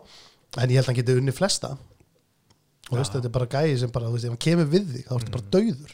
Einmitt, og ég meina, sko, hann lendir nokkrum högum á Rosenstrúk, hann að Jersin og Rosenstrúk, Já, hann já. hrundir niður og svo þegar var, er hérna sem var leðilegt, ég held, ég, ég var að vona að hann fengi bara einhvern annan bardaga því að Já. hann var einhvern veginn að ég veit ekki, hann er eitthvað svo nýr og hann er skemmtlegur sko. Já, Biggie Boy já, Biggie Boy sko. En svo var eh, náttúrulega Rosenstrúk á móti Dos Santos og Dos Santos var alveg að lenda bombum, hann bara Já. stóð það af sér en, en, en hrundi þegar Engano hitti skilvi, þannig að ég held að. Engano sé bara með, þú veist, það er allir með geggja power í þungu ett, þú veist, sérstaklega þessi top 10 Mhm. Já. en ég held að hann sé bara á einhverju öðru leveli þegar kemur að power, sko. Já, ég held að líka hann var eitthvað mældur, hann var eitthvað að tekið eitthvað Rocky test á honum, eitthvað Rocky fjögur það var gert í rússan, hann settur ykkur snúrur og alltaf kýling við púða og það, niðurstöðnur því voru bara mjög skeri sko. Bara skeri sko. Ég, myndi alltaf segja að hann væri þetta væri, ég myndi síst vilja lappi hringina mot honum, Já, já, ég- algjörlega af því, að, því ég veit alveg, ef ég lappi hringina mot einhverjum Mm. uh, þá er ég, ég myndi náttúrulega bara uh, veist, vera lamin í klessu auðvitað, Mm. en ég held einhvern veginn að ég myndi uh, hann myndi gefa mig mesta skaðan Já, já, fattar þú, ég myndi alltaf rótast en hann myndi róta mig eitthvað svona, svona annar level af rótöki sko. já, já, þannig að ég, hérna, ég myndi byggja einhvern annan um að f- slást um sko. já, já, ég held að ég sé bara alveg sammála hann er svona alveg klárlega nummer eitt Já, en, já. en svo eru nokkri, þú veist, eins og Jól Romero og þú veist, Já, sem já. að vill ekkert mikið vera eitthvað að pota í, sko, og þú veist you're next boy og hérna bara maður væri bara fuck Já, veist, en svo eru nokkar sem bara, þú veist, ég held að sé mjög erfitt að vera eitthvað undirbúrsöðu fyrir barða fyrir sem eru, þú veist, eins og Díaz, skilur Nick Díaz, að þú ert eitthvað, þú veist, hann er að berja og hann líka að drulla yfir á sama tíma Já, og það er svo ógeðslega leðilegt að finna það, sko. það er náttúrulega mjög skeri var mjög, tvö moment sem eru ógeðslega skeri í hringnum.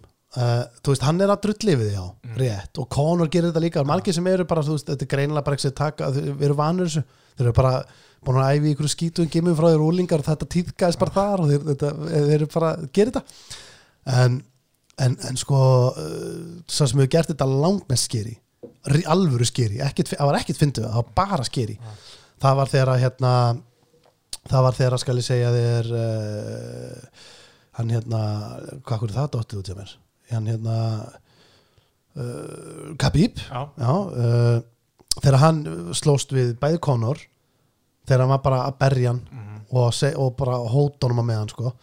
það var nothing nice about it sko. Og líka, og mér varst eiginlega ennþá meira skeri þegar hann var að byggja einhvern, hvernig var, ekki Michael Johnson. var það Michael Johnson? Já. þegar hann var á honum að lemja hann og að tala við Dana White á sama Já. tíma og bara hey please, þú verður bara að hætta. Bara þú veist, bara, hann var bara, þú veist, þú veist ég átt að skilja maður, gefstu bara upp, þú veist, ég er að fara það er ekkert að fara að breytast þetta, ég er að fara að berja það áfram svona ógsta lengi, hann gefstu bara upp. Og maður var bara, ef einhvern veginn segja þetta við mig ég, það var svo skeri. Og það væri ógeðslega skeri, ég myndi að það er í ringnum og það væri einhver að berja þig svona illa, Já. þú veist, hann átti ekki breyk og gæin er ekki einu sinni bara berja þig, hann er að tala við annan náunga Já. sem situr þrjá metra frá og er bara, hei Deina þú veist bara, hvenær fæ ég fokki titilbarða minn og maður er bara, hei, þú veist, hann er ekki einu svona einbætt bara að mér, Nei, hann er bara það þetta er það easy, Já. dæmi hérna. Það er mjög sko Mér finnst líka sko Jorge Masvidal ég, ég myndi lenda ykkur trastóki við hann sko, ég myndi lenda svo illa í því, sko. ég kæmi svo illa út úr ykkur trastók stríði við Jorge Masvidal. Hann ég, tekur líka, hann, hann nennir ekki miklu trastokki sko, hann, þú fær bara three pieces and soda bara og opna munnin sko, en hann ætti náttúrulega hann er í miklu uppáld líka Já, hjá mér, veist, hann á alveg definitílega að vera á listan á hann líka og, og margir aðrir. En hérna, og sérstaklega því að ég er búin að fylgjast með þessu lengi, eins og veist að það er ekki bara eitthvað, hann er eitthvað tískupfætir hann á þetta bara skil veist, hann á innilega, veist, ef þið hann hefði hann unnið um daginn, Úsmann, sem hefði reynda var aldrei breyk, hann hefði komað hann inn bara með eitthvað Mm. veist, þetta var bara, þú veist, fínt að hann fái bara smá borga og svona uh, fyrir erfiðin, en hefði hann, ef hann nær að taka titil, Mhm. þú veist, þá þarf hann að gera líka bara næstu tveimur árum eða eitthvað, það, það væri svona saga, það væri ótrúlega saga, Mhm. þú veist, það væri bara það þyrfti einhver bara það væri bara stór merkilegt, mm, með hvað hann hefur, með hvernig ferillin hans hefur búin að vera, mm, þannig að hérna, maður held helviti mikið með honum, sko, í þeim barda ég veit ekki hann alveg, já, já en hérna úst, ef þú væri að fara að mæta þessu mennu Mm. hvernig bardamaður væri þú? Væru, væru wrestler, eða væru, væru strækir eða hvað var að gera? Sko, Hvernig myndir þú vilja vera? Uh, ef ég mætti ráða, Já. ég væri sko, ég er náttúrulega æfið jiu-jitsu á sín tíma, það hafði áhuga, áhuga því tók hann eitt gott ár Já. að æfa, æfa brögð á, á mönnum sem standa kyrir um, og, og kom heim og síndi litla bróðum mínu uh, ég væri ég myndi vera, ég myndi örglega vilja vera jiu-jitsu gæi sko, Já. eða þú veist slash wrestler, Já. ég held að ég væri ég held að ég myndi vinna mikið með það vera svolítið að, að klinsa með mönnum og Já. vera svona eða dötti í þeim og, og eitthvað svona ég er náttúrulega, það skemmtilega sem ég geri ég væri að æfa, Pétur, Já. nú er ég ekki tjókir ég væri ekki æfa til að keppa neinstaðar, bara aldrei ekki einu svona á einhverjum hérna, friendly jiu-jitsu jú, kannski jiu-jitsu mótum, Mm. það er alltaf það er enginn að berja mig í klösið þar, ég gefst bara upp en hérna, en ég hérna, ég væri að æfa uh, og mun, ég lofa þér, ég mun koma að æfa, Já. ég, ég ætla að taka 30 plus Já. flokkin sem hún sagði frá Já. sem er svona mitt á milli bara að koma sér í form og, og vera og glíma og hafa, að ég, ég, ég, ég, sé ekki fyrir mig ég, nenni ekki að fara í ræktina Nei, Veistu, ég nenni því ekki sko. Ég er ekkit fyrir að lifta ykkur döðum hlutum og það er leiðilegt með, á mér finnst það sko. og þú veist, ég hérna að ég myndi vilja æfi eitthvað. Og þetta finnst mér ógislega gaman. Mm. en ég er með tvöfald brjósklós Já. sem er real, þótt að sé ógislega gaman að tala um það og ég gerir mikið grína því en þá er bakjáum bara í fokki. Og ég ætla, og ég þarf að veist, og er alltaf aðeins að vinna í og svona en ég held ég þurfi líka bara uh, inn í end held ég þurfi bara að fara í aðgerð. Já, af því að þetta er tvöfald sko. Já, uh, nenni ekki að þrefald og, og það er svo erfitt að styrkja sér bakið þegar að þú þart fyrst uh, þú mátt ekki eins og gera þú þart fyrst einhvern veginn bara að vera að tegja mm, og þarft að gera að fara í sjúkra þegar hún endar og alltaf teipar, það er úslega mikið með vesen tekur ógæðislega langan tíma. Ég, ég er, þú veist, mér langar eða bara svolítið að fara bara på spítala segja bara, herru, hérna er hnífur, taktan skerðu mig upp og svo ætla ég bara að fara byrja, þá var ég núlstiltur og get fara að styrkja um baki, eitthvað, eitthvað svona. Já, en hérna ég sé til, ég er að finna eitthvað gott plan með, með brjósklósið, en ég mun einn daginn koma og æfa með þar, það Já. er ógæslega gaman. Og ég dyrka, það er svo gaman. Ég, ég og Sveppi og hann samílegt við dyrkum svona hnóð og við förum oft í gannisla þegar við hittumst þetta veit ekkert margir sko. Og hérna síðast í gannislaður að við langt sem við slóum senast við gerðum þetta mikið það var, vorum, það var held ég eftir steipustöðuna fyrir nokkuð örfum árum ste, nýjustu steipustöðum 2 eða eitthvað. Það var svona rappartí og ég var náttúrulega blind fullir sko. Og við endum heima í að sveppa. Og það var ég, sveppi uh, bent, bent var að leikstýra. Og bara allt gengið. Og svo urðu við sko tveir eftir. Vist, ég og Sveppi vorum bara tveir og vorum eitthvað að byrjum að tepla og vorum við vorum bara mökkar það er bara þannig og þá fyrir við í gannisla sko. Ákveðum, herru, við fyrir í smá gannisla núna. Það er bara komið tíma það, langt sem við fórum í gannisla og við fyrir að, þú veist, það er eiginlega ekki gannisla svona, við erum ekki að reyna að vinna. Við erum bara í, þú veist, gannislag og, og það er meira bara svona þú veist, þetta er meiri bara svona stemningin sko, bara loka gluggum og hækki opnum sko, og bara vera bara, og við erum í gannisla inn í eldur síðanum og erum að nóðast og settir eitthvað tó í eira á mér og ég er einhvern veginn algjör fæt sko. Já, og síðan er það bara þannig að svo bara kveikna ljó eða, þú veist, það var svona bara stoflýsing sko. svo kveikna bara ljósin og þá er bara konuna smætt nýður og ég með minnir að eitt af börnum líka. Og það var bara svona við einhvern veginn á gólfinu og það var bara svona komið tími að panta bíl fyrir mig. En við vorum svona þetta, við, við um þetta samvild, við dýrkum svona hnóð að hnóðast Já, og það er eitthvað sem ég, hérna, ég geti fengið mikið út í, bæði æfingu og, og gleði að vera mættur einhvers staðar á einhverja mjúka dínu að hnóðast í einhverjum ég geti gert það bara heilan dag sko. Það er ógeðslega gaman sko. Þetta er svo gaman sko, man, veist, þetta er bara, er bara gannislega með tækni, ég veist, Já, bara ég læra að vinna gannislega. það og þetta er bara eins og skák Já. þú veist, þú, bara, þú, ert að, ert að setja upp næsta move með þessu og þú ser það fyrir og gerir þetta og þetta er bara mm. hnóð og ég, hérna, mér finnst það mjög, mjög skemmtilegt sko. ég, hérna, ég man eftir að fyrst þegar hérna Já, þetta var í rauninni, þegar ég hætti veist, ég, ég get ekki sagt með góður hinski það var að æfa jiu-jitsu, ekki nei, þú veist, ég mætti bara okkur nokkra, veist, ég var í ár kannski. En þegar brasilska jiu-jitsu var að byrja Mm. að þá mann ég alveg þegar ég var að mæta á mót og alls konar svona, það var bara þegar Gunni var að byrja og ég man að Dóri fór að æfa það eins og bendi mitt og það var svona það, voru hinur þessar að æfa. Já, það var ógeðslega skemmtilegu tími sko. þú veist, ég man þetta var, ógeðslega skemmtilegu tími. En ég hef ekki farið á ég hef ekkert farið á, ég hef ekkert fylgst með ég veit ekkert hverjir eru, eru núna ég veit ekkert hverjir eru góðir og hverjir, er, hverjir maður á að fylgjast með og á hvaða Nei. mót maður á að fara. Já, þú þarfst að skóla við til í þessu. Já, ég þarf að bara koma með ábyrtingu hérna næst þegar mótið er sko.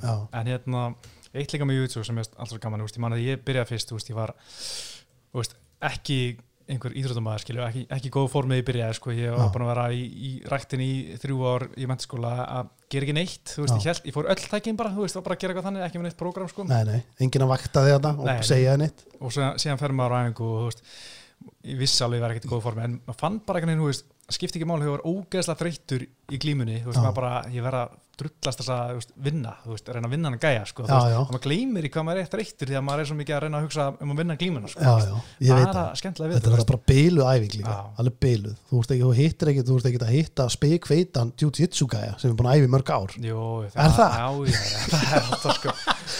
Þá fitta ég velin sko. ok, þetta er gæðvitt ég, hérna, en ég ætla að láta sjá mig einn daginn í þessu og, þú veist, og þá er þetta líka bara, þú veist, upp á að fá hreyfinguna, bara Já, hobby. Já, og hérna já, þetta er, þetta er mjög, mjög, mjög skemmtilegt sko. já, en hérna, sko, núna erum við að tala um hverju þú myndir alls ekki vilja mæta. Já, en þú veist, hvaða gæi heldur að þú ættir svona mestan sens í, þú veist, ef þú verið já. berest í, sko það, er svona, það eru gæðir sem hafa náttúrulega komið og farið sko. Já. náttúrulega gauðir eins og vorum að tala um hérna, fyrstu keppndar, það var boksari Já, sem mætti með eitt Jimisson sem er alveg frá, fráleitt það sko, þú veist með eitt boksanska En þetta er svo fyndið sko, enn þann dag í dag er þetta best rankaði bóksar sem hefur farið í það? Hann var top 10 í sínu þingtaflokki á þessum tíma sko. Já, já, Og hann- hefur væntalega bara vilja, þú veist, ég veit ekki hvað pælingi var, sleppa því að brjóta hendina? Já, hann var sko með bóksarshanskan á minnströndinni sem var, þú veist, svo hann ætlaði að nota það. Já, og hann ætlaði sko, þú veist, hann átti ekkert barda eftir,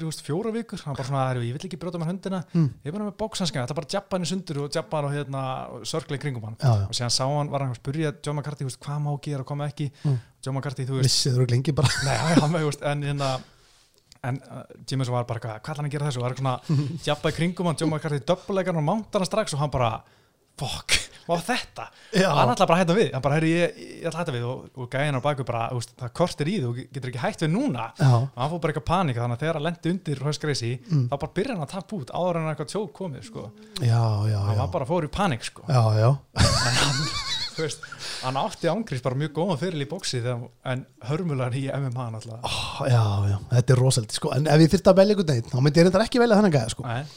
Ég myndi velja CM Punk Já, mjög gott val Er það ekki? Jú. Það er aumingi, sko Og, og hérna Nei, nei, veistu hvað, ég ætla að gefa nú samt eitt Þetta er bara eitthvað gæi, hann ætla bara próræslingur Mhm. sem hann er bara leikari skilur Já. vinnum við það og hann er hann tekur samt, fer bara í einhverja strangar æfingabúður, hann tekur þessu alvarlega hann mætir, hann er lamin hann kemur, hann fer tilbaka held, heldur áfram að æfa og hann að bæta sig mætir aftur, þetta er, þú veist það er engin, veist, ok, ég ætla að taka tilbaka hann er ekki aumingi, hann er bara, hann er basically hetja á labba hann inn, Já. með, með þetta lítið af skils í, í, í pókáðinu, sko en ég held að ég væri svona mest til að mæta honum að því að uh, hann, hann er pottitt léttar en ég sko Já, hvað ætla hann sé?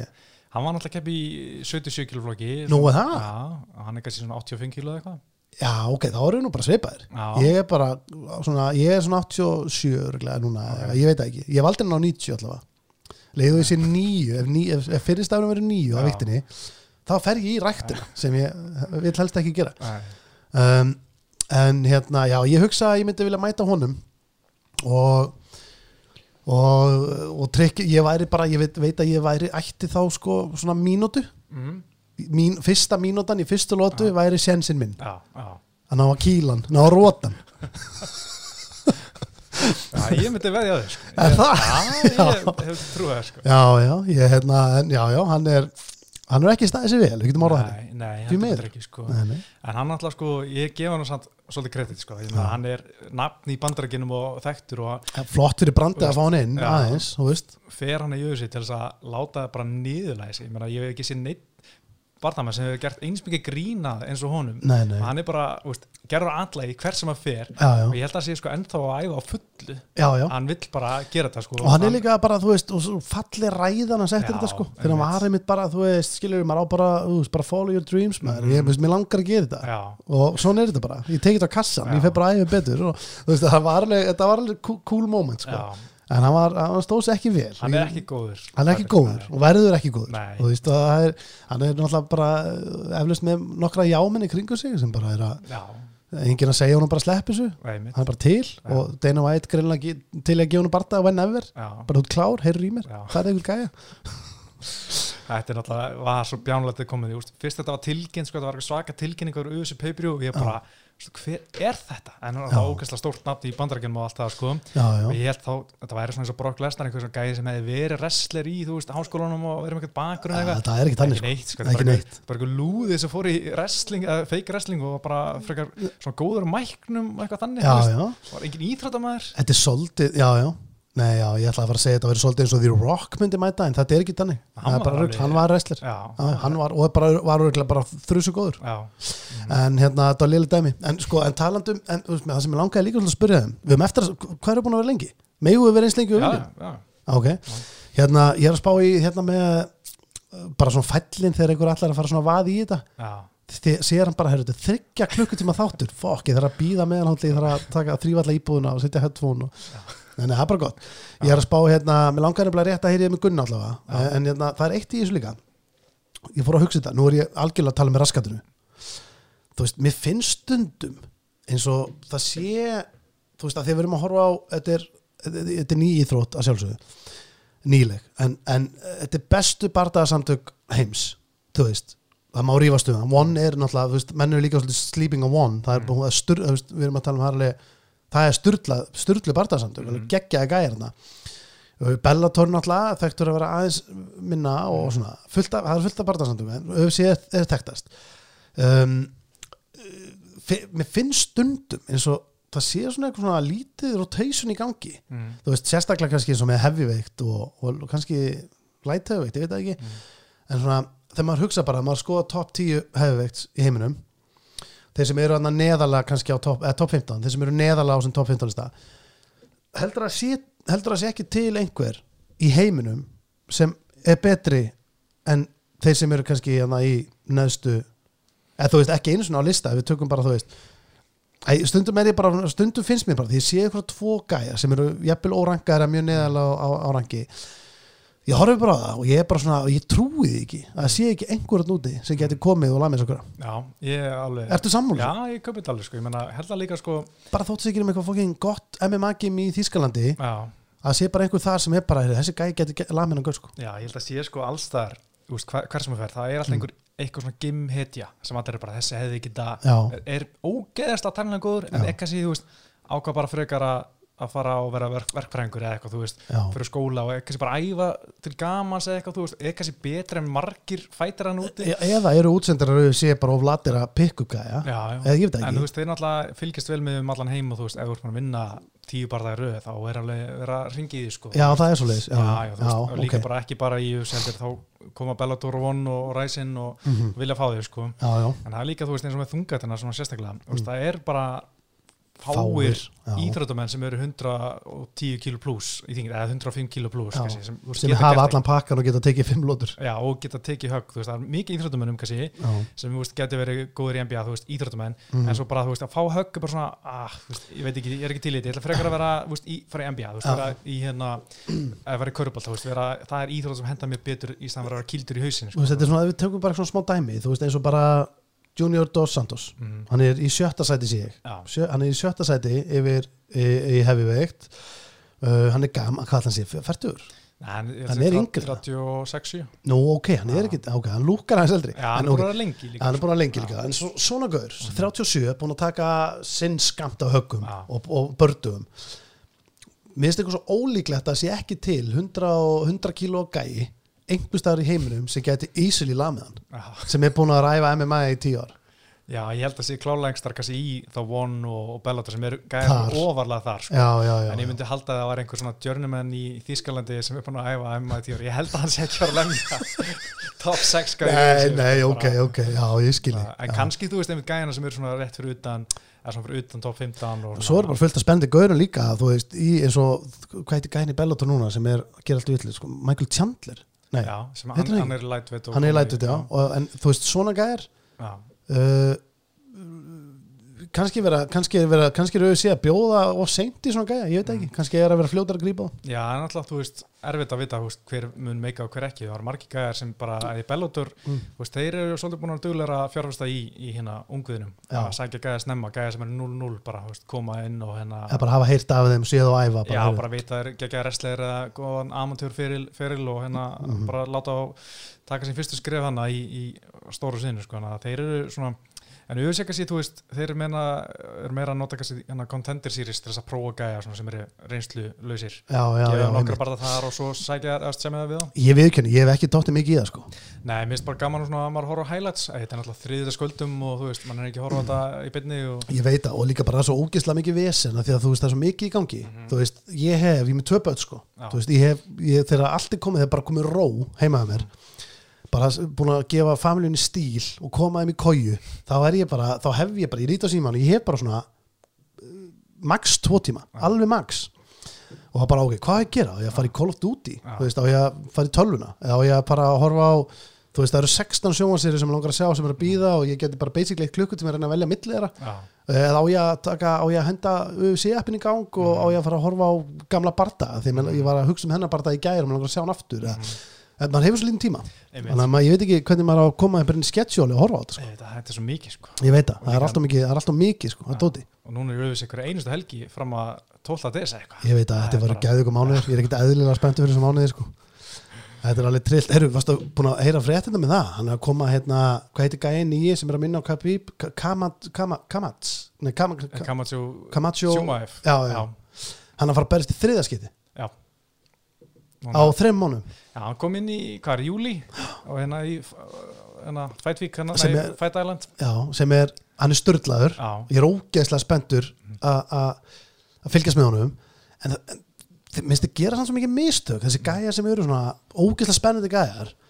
Eins og hann hérna uh, Sjúkasjó, minn maður. já, uh, þú veist, Sjóna Malei Sjón, já, hann er hann, þú veist, það, þeir eru svona ofhæpaðir Já, og, og svo bara, þú veist það er bara að vera ofhæpa menn. Og mér finnst það svolítið, það reyndar ekki að koma frá en það er að koma svolítið mikið bara svona, allavega finnst mér bara svona frá fans og svona, einmitt. með þennan. Mm og hann er sko, og það er það, er það að vera að drífa sig það mikið, ég veit ekki, getur þú googlað hvað hann er gammal þessi gæi, Hann er held ég 26 hann er 26 þú veist, hann er, hann, er ekki neitt. Og hann er á það mikil hraðferð, hann er að fara að fæta í þriðja skipti. Mm. uh, og var að taka með litlu fyrirvara og núna er hann að fara að fæta í, í millivikt, Já, hann er búin að vera svolítið Flakk á fara milli. Já, já sem er, þú veist, þetta er, fyrir mitt liti, eða þú veist mér finnst þetta að vera algjörlega, óþ, þetta er svo mikil óþarabardagi, já, þannig að taka geðveik á þetta og þú veist, uh, að fara í þennan hver, er þetta, þetta er góðu gaur er að fara á móti góðum glímumanni sem er svartbelti í YouTube. Já, já, já, en er svona reynslubolti en þú veist, þetta er svona eins og svona algjör reynslubolti sem svona mjakar hægt áfram. Já, hann, er ekki, hann er ekki að róta tjúmaðið ég á erð með að trúa því sko. en þetta er óslega mikið statement ef hann er að hoppa milli bara veldi út á millivikt og er að vinna þessa gæja og það er bara í hverjum einasta barda eitthvað svona dóminþetta barda hann bara, þetta eru þrýr barda á þrjum mánuðum, það er bara he means business sko. Sko þetta er líka svo magna, hann náttúrulega er 26 ára, kemur inn í þessu og ég held ég fara rétt með hann búin að vinna tvo bardaga, fikk framistu bónus í bæði skiptin. Og það eru sko næstu 150 dólarar og ég menna, ég ætla nú bara að hendur sinn sko, á, sem hann fekk 150 dólara á bara tveim vikum sem er sko 21 miljón og spældi að fá það bara, vera bara býruglengur blokkaríbúi í Svíþjóð og svo bara, herru, 21 miljón á tveim vikum. Já, já, það er heldur fínt sko fuck. Já, það, breytir væri mjög næs já, já, það væri geggja þú veist, þetta er til dæmis með þetta eins og þú veist, það er alltaf að tala um að UFC barðamenn eru að fá uh, illaborga mm -hmm. en þeir sem eru stjörnur fá velborga, já, já, veist þe það, það er bara þannig Kormir var að tala um hann hérna eftir setni bardaðan móti John Jones. Já, þá kom að færa dýta bræðinu hérna gaf hann bara miljón dólar bara, herru, vel gert, miljón dólar bónus. Ek, ekki paperbónus, heldur bara svona bónus, Bara bónus, já, bónus. ég hef heyrtið séu grimmir í þessu, Já. það er bara eins skjaldaskin í klefa eða eitthvað mótuhjól eða eitthvað, skilur við bara hérna flottur. Já, reyndar talandi um móturhjól Gunni átti að fá okkar Harli móturhjól var Deina eitthvað í ammálskjöf Já. fyrir hérna, það var eftir það spartan bara það er að fara móturhjól hérna. Og hann er aldrei fengið aldrei fikk ég það var geggja Harli, ég held að hann hafa búin að fara í Harli umbúði og velja og custom made eitthvað. Já, kom aldrei sko. kom aldrei, nei, djöfusis dikk maður, herru, hvað er þetta gunna?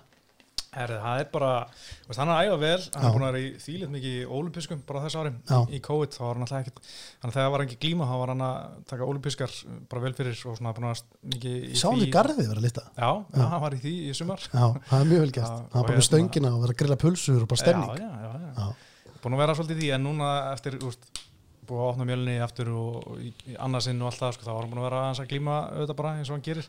Já, en bara mál með hann, sko, ég held að hann vilji ekki taka barða fyrir að hann geti fengið haldið almennlegt kamp, annarkvort að fara út til, mm. -hmm. ég Kanada eða eitthvað mhm, æfa í træstaður og fá almennlega gæja eða fá almennlega gæja hinga inn og ég held að sé bara pínu errið að fá gæja hinga inn akkurat núna sko. um, en alltaf sé ekki komið pressa frá því að hann fari bara á að fæta já, það er spurning sko, Hvað að hvað- hvað- komið árið það? uh, september komið ár, eh, núna í lók september það er að vera, vera 12 mánuðir sko. Þannig að það er alveg að komið tíma á kallinu sko. Það þyrfti að hann væri, helviti gott ef hann myndi ná að taka eins og þessi gæjar hafa oft náð að gera taka þrjá, helst fjóra á einu ári, já, þú veist, barda Mhm. það, það munar svo miklu að því að þú veist, þú minnir á þig og síðan einhvern veginn líða þrý mánuður og það er einhver tveir aðri gæði búin að minna líka á sig á Já. svipaðan hátt og þú gerir Mhm. og eitthvað svona, að, að þú nærði einhvern veginn að vera bara, herru, ég ætla bara uh, vera basically bara í nokkurn veginn í kampi, Já. í þannig formi að ég er bara til í hvert sem er, Mhm. hvenna sem er ringdu og ég klár, já, fimm, dö- fimm dagar Mhm. skiptir ekki máli, ég mæti. Það væri, það væri geðveikt sko að ná því, en ég er að spáði bara hvernig Gunni sko, hann er, komin, hann er komin út, hann er komin af lista. Hann er ekki á, hann er ekki á top 15 Mhm. uh, hann er top 15 þannig að hann þarf að henda sér á listan aftur. Ég, ég er að spá í bara sko þetta er úslega erfitt úslega erfitt með Gunna því að Gunni hann er það góður að það er held ég sko þessi gæjar sem eru þá maður sjá, ég er hann að skoða þetta hérna. þú veist, Kevin Lee er í tíunda uh, og þessi gæjar allir fyrir neðan reyndar Cowboy, það var ekki að fá Cowboy uh, ef Gunni myndi koma tilbaka úr steinum og berja svo Cowboy já, er hann ekki bara í lettut núna, Cowboy? hann er samt hitt, jú það, hann er samt í hann er rankar í 14. það er í lettut það er léttitt, Já. sorry, sorry, sorry, sorry. Hann er bara, já, þeir, hann slóst í veldu um daginn, já, já, hann er búin að vera að flagga milli eitthvað. Hann er alltaf flakamilli Já, hver er í veldu hann er alltaf Anthony Pettis. Anthony Pettis, já, það væri hann er alltaf rosalega stórt nafn. Já, en Robbie Lawler, hann, hann Mhm. hefði átt, átt að ætla einhvern tíma, hann var einhver pæling að hann myndi fá Lawler ein, ein, einhvern tíma já, ég man ekki hvernig það var en, en ég var til í það núna sko. Ég meina, þú veist hann og sko, pæli hvað, pæli hvað þetta er samt búið að vera mikil óhefni með, með Gunna Mhm. að því að sko, bæði, þú veist eins og Leon Edwards Mhm. sem var basically bardagi sem hefði getað svo easily farið both ways já, þú veist, hann endar þannig að Gunni er ónánum í þriðilótu Mhm. og, og Gunni er í alvörinu tala og ég er ekki að segja þetta bara þetta er Gunni bara vinnur og, og það er áfram Ísland gangi það, Mhm. Gunni er bara með með þeim rosalegustu með rosalegustu olbóna í UFC sko. Já, í mountain þú veist, það er bara, það, við erum að tala um bara Tony Ferguson, Gunni Nelskil bara, þú veist að, ef Gunni rónaður og er farin að nota olbóna, það er bara there's nothing nice about it, sko. Já, og hérna, og hann var þar. Hann hefði bara, ég held að í alveg hann hefði ekki eins og þurft mínútu, hann hefði bara þurft kannski veist, mín upplifin því ég horfði bara mm. var bara, hann þyrfti hálfa mínútu bara ef hann myndi að fara að ná að negla á hann sko. Já, já, tvær Það verið tvær mínútur, ok, ég skal díla Já, við. en, en þá hefði hann bara getað tekið hann baki á hann en þú veist, hann bara erfitt að koma hann hann alltaf drullu sterkur og góður wrestler og svona, Mhm. en þú veist en ímyndaðir, ságægi, hann er í dag í þriðasæði mhm, hann, er, hann er þriðji best í heiminum mhm. og hann er búin að vera uh, sérst, og það er búið að fara mjög illa með hann skilur, já, hann ætti í rauninni að vera löngu búin að fá bara titilbarda, eða þú veist, allavega barda og svo titilbarda, en það er alltaf að saltan Já. mönnum, það þykir einhver væntum já. því miður, Það er bara þannig. Við erum að tala bara reyna íslensku með það. Síðasti bardaði sem hann tók, á móti Gilbert Burns Mhm. þú veist, sem að bara svona hann kom inn á, með stuttu fyrirvara hann alltaf drullu góður og hættulegur.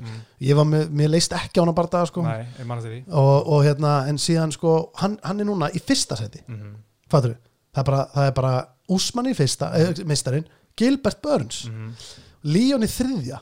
Þú veist, þetta eru gæjarnir, þú veist, Damian Maia sem hann keti, hann er í sjöunda.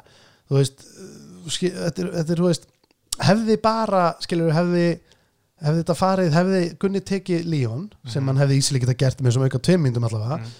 og Burns barndaginn var bara sama. Já, þú veist, þetta var bara 50-50 fight fannst mér, Já, þú veist, þetta eru bara drullu góðu bardagi, mhm, þú veist, þá væri Gunni þarna já, en ekki út að lista, veist, þetta munar svo litlu. Það. þess vegna að segja, veist, ef Gunni á ef hann, ef hann sko, ef einhver þorir að gefa hann er svona, meina, ef ég ætti að speikla þetta, ef ég væri núna í, ef ég væri í 13. setja lista ég væri drullur hrettur að taka fætu Gunna Mm, af því að ég kannski þú veist, ég væri, að vilja allir fæta náttúrulega upp fyrir sig, Já. það er allir hann að vera mistari sko, mhm, þannig að leiðu og færð Gunna, sem er ekki á lista og er fokki góður og getur, hann getur ná, hann gætir náð að lemja allavega það þannig að þú veist þetta er, þetta er svona er erfitt þannig að þú veist, leið og Gunni fær bara hann, ég ætla að gíska að hann þurfa að taka eitt bardaga á móti góðum gaur sem er kannski ekki á lista. Mhm, svo þyrft hann að fá eins og Lóler eitthvað svona reynsluga, eitthvað nafn já sem hann getur lamið. Mhm, alveg, þú veist, hann myndi pakka Lóler saman right now, Mm. það er bara það lofur, heyrðu það fyrst hér sko, það Já. lofur frá mér sko.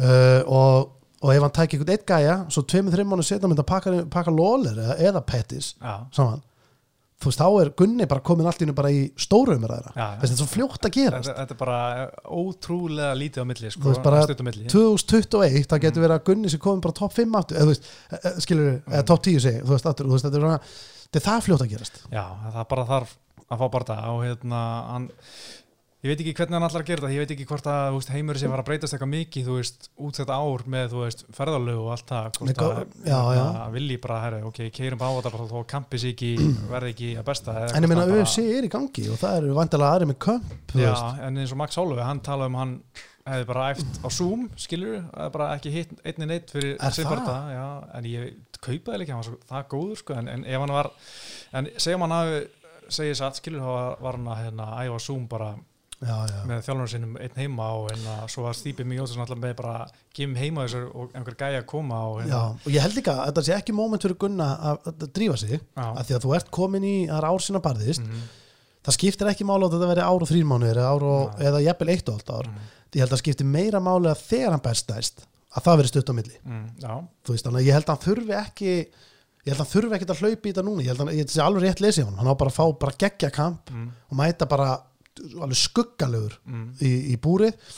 Svo eftir þann bara hann basically segja bara í viðtalinu bara ég er til að fæta á morgun já, og hinn og hinn, Já. bara bring it. Mér er Já. drullu sama.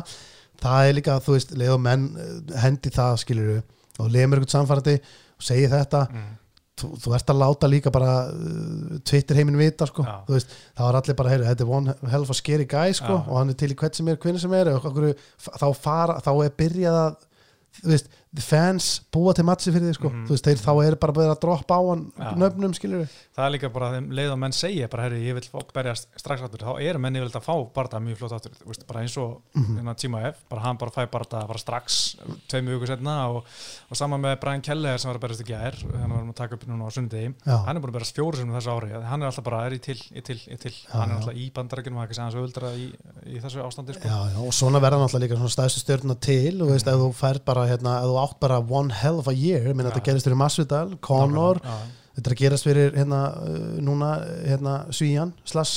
Rússan já, uh, og þú veist hérna, þú veist, eh, eh, þessi ungu gæri eru náttúrulega velgræðir í þetta en, en ég held að það sé bara, ég held að það sé cool moment að gera þetta bara koma sér í hérna algjörlega styrla form Mhm. og eins og hann segir og að reyna að fá sem besta gæja sem hann getur Já. fengið, mögulega núna og svo beint eftir það þá bara, heyrðu, ég er að fara að taka þetta bara fjóra bardaði viðbútt á þessu ári, hann að bring it sko. Já, bara ekki að kassa vel inn já, já, það er bara nákvæmlega henni það var mókin sko. Heldur Hva, hvað er, hvað er venjulegur bardagi, hvað er, hvað er maður að fá fyrir bardaga? Eh, Það er náttúrulega sko Tímilinu?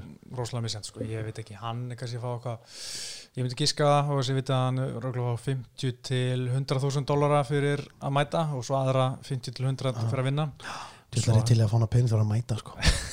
Geti ekki mætt síðan punk maður Já, nákvæmlega, þú bara að mæta í viktin og svo í búrið og það færi borgar skil, þarf ekki saman hvernig gengur Senda Dana White er í íslensku trúur og mórsbænum, ég veit að Íslendinga myndi horfa á hana Já. bardaga sko. Það væri helviti flott sko. En hérna, eitt svona, þú veist, við erum náttúrulega búin að tala, fara um víðavöllina sko, og hérna, við við viljum báður þetta sjá Gunna Mm. berjast sem Mm. fyrst, sko, hérna, höldum alltaf með honum en hver er svona, þú veist, bara eitthvað svona leiðilegasti fætirinn sem er hug, sem er velt bara svona þú, ó, þú, horfið bara á hana Sko ég, sko Fyrst þegar ég, ég ætla að við ekki neitt sko Hann reyndar breytti, ég, hann, hann, hann snýri mér samt alveg sko. Já, Þegar Darren tilmætti fyrst já, Þú veist, þegar maður sá hann. Já. Og þá landa hann kábóin mhm, Og það var svona framistað sem ég var bara Ok, við erum bara Við erum með nýja stjörnu hérna. Mhm. Þetta er bara styrlu hérna, Styrla performance Og stílinn úsla skemmtilegur og flottur Og svona, þetta er bara gegja Svo kemur hann í viðtalið Og er eins og krakki, maður þetta þessu? I want to fight everyone. I'm not, I'm not scared of-" Og það er bara svona styrlar á mæknum Já. maður ekki, hvað er þetta maður? Nú verður til að sjá bara berja því sko. En síðan fór hann að vera úsla nettur. Já, síðan fór hann að vera ógeðslega einlægur og alltaf heiðalegur og bara gera grína sjálfum sér og var, var skemmtilegur og ég gef hann líka alltaf hérna, mér finnst alltaf svo gaman þegar hann sagði hérna við á blaðamannfundurum þegar, þegar Gunni og Edwards voru að fara að keppa og Edwards var með einhver stæla við hann. Já. Var alltaf að fá hann Manstu stóra þetta? enska Já, þegar, þegar til sagði bara hefur ekki bara slaka á? Já. Gunni er að fara að kirkja þetta eftir kortir sko, vil ekki bara fókus á það? Við erum alltaf að, já, þetta var minn maður sko. Já, sammálaði, sko. Já, já, en hérna en, og svo líka er hann bara búin að vera að stela ykkur leigubílum á spáni maður og er full, ég held sér gaman að djamma við honum sko. Ég held að sé helviti gaman að fá sig með honum. Hann er, þú veist, maður myndi enda með að stela ykkur báti hérna á höfn og þú veist, við erum- í hafna fyrir núna og ég er að horfa hérna á höfn, við myndum enda að stela þessum báti hérna. en, en hérna en svona leiðilegu gæi uh, að því að svona hver er leiðilegastur? Pff, þetta er svolítið erfitt sko. Uh, uh, uh, uh, uh, ég er eiginlega tómur. Já, þú veist það er ég, ég man ekki eftir neinu sem var bara svona drep leiðilegur kannski að margir hafa alveg farið í tauganramanni eða já. eins og, eins og maður segir bara, heyrðu, það er eitthvað við hennan gæja sem ég fíl ekki. Já, já. ánst að þekkja hann hattur mhm. en mm, Sko, mér finnst náttúrulega alltaf Mér finnst Askren skemmtilegur sko. Já, hann er mjög Skemmtilegastur, skemmtilegur já. sko. En mér finnst sko náttúrulega Kolby Komandón Hann. Er Já, já, já, Þólir já, hann, já, já, hann heldur engi með honum. Nei, En hann er svo mikið að reyna en sko en, en málega þú veist þetta er allt bara allt leik, Já, leikrit. já, hann, er, hann, er, hann er vist bara Ítla gert ég veit það, ég veit það, ég er ekki alveg tekinn þetta Já. því að hann er sko hann er uh, hann er sagður allavega að vera bara mjög nettur og kurtis gaur. Já. og hann er bara, þetta var bara svona hans til að einhver myndi nenn að taka eftir hann af því að það var einhvern veginn enginn að því. Já. sem er alveg smá spes að því að þetta er- hann er geggjaður partaðamæður, Mhm. hann er alveg trilltur. Hann er ógeðslega góður. Veist, og hann er að fara að keppa múti Tærum Útli núna, Mhm. er ekki bara næstu helgi? Ní, nei, 19 Það er það, já. Og hérna og ég held að hann sé að basically að fara að pakka honum saman sko, Já, því miður. Maður er fann að vorkina útlinu hann er að fara að tapa sko 15 lótum í Já, það er met, hann er að fara að setja met. Ef hann tapar öllu lótunum á móti Kolby já, þá er það met í USA flesta lótur því. en þetta er samt bara þetta er samt einhvern veginn að móti er hann að keppa móti bara svo ógislega góðum já. og í síðasta bara var hann bara ekki góður. Nei, hann var bara hundliðlugur síðan líka móti Úsmann ógeðslega lýrur það er Já, ég veit ekki hvað er málið það, veist, en nú, hann er, ég sá að Masvidal er komin í kampið hans og það er eitthvað svona stemning núna. Þannig að það gæti vel verið að mæti og, og, og gera eitthvað að viti sko. mm, hann var að vona það sko. En, en hérna en já, ef við ekki að velja ef við ekki að velja saman Kolby bara? Já. ég held það. Sko er, ég er alveg samanlega, mér finnst hann leiðilegastur sko, að því hann er sko ekki að því hann er með stæla hann er bara svo lélugur að vera með stæla þú veist, þetta er bara svo allt sem hann segir er svo bjánulegt eitthvað, þú veist, það er úkslega fáir það er úkslega 90% af þessum gæjum eru úkslega basic. Já, svo eru nokkri náttúrulega sem eru hérna með kæft og vilja, hérna, eru, eru smá svona stjörnur að reyna að vekja aðtegla á sér. Og hann er að gera þetta þennan að það sinnhátt, óþólandi hátt. En það eru helviti fáir sko hann er náttúrulega vinur hans Conor sem er náttúrulega í Bellator og hefur fætað tvísvar hann hérna, hvað heitir hann? Stala með hérna Charlie Ward eða, Nei, sem var hérna með Khabib stökk á hann hérna, já, Dennis, Dennis. Dylan Dennis Já. Hann, er, hann er með smá kolbifílingur í honum. Hann Já, er með líka einhvern veginn að taka myndir af sig með einhverjum konum Já. alltaf sem er okkur bikinum og er eitthvað að eat ass for breakfast. Eitthvað var eitthvað djúvill þetta fokki slaft maður. Það svo úkislega slaft. En, en, en hérna ég skil ekki til þeim gæja bæði að því að við erum að leiða okkur að fara út um allt. Ég skil ekki til þeim gæja. Þú veist, internetið samkvæmt internetinu mm. er hann bara á hann að vera Dylan Já. já, já, en, en þú veist, kannski með smá askren stand-up en, já. En þú veist, ég meina, akkur er hann bara búin að fæta tvísar já, og hann, sleitt crossband eitthvað. Og Já, hann ok. meitir- meitir í eitt ára allan sko. Já ok. Hann, En að því að hann ætti að vera bara teknikli, ætti að taka tvo bardagi bara í Bellator og með hvað hann er á, á, margra vör, mar, manna vörum þá ætti hann alveg að geta komist í UFC frekar hratt sko. Já, ég held að Bellator elski að hafa hann hana sama, þú veist, þó það sé að vinna að tappa þá bara senda hann móti einhverju gæja sem getur ekkert og hann En bara söpar það og eitthvað. er hann ekki, hann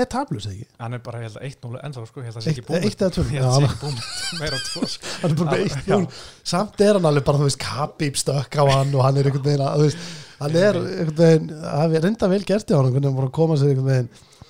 Er líka, hann er 2-0, sorry, ég Hann er eftir að 2-0, tjekka sig já. en svo er hérna það er reyndar ógeðslega að fyndi með Khabib að þú veist, að Khabib láta þennan bara bjána Mm. veist, hérna pyrra sér svo mikið sem getur, þú veist, er, var þarna bara hann var þarna 1-0 í MMA og algjör nobody og bara Khabib stekkur upp úr til að lemja hann. Þetta var líka bara fáralegt stæðist í sigur á ferlinum og hann ákveður að endi þetta svona.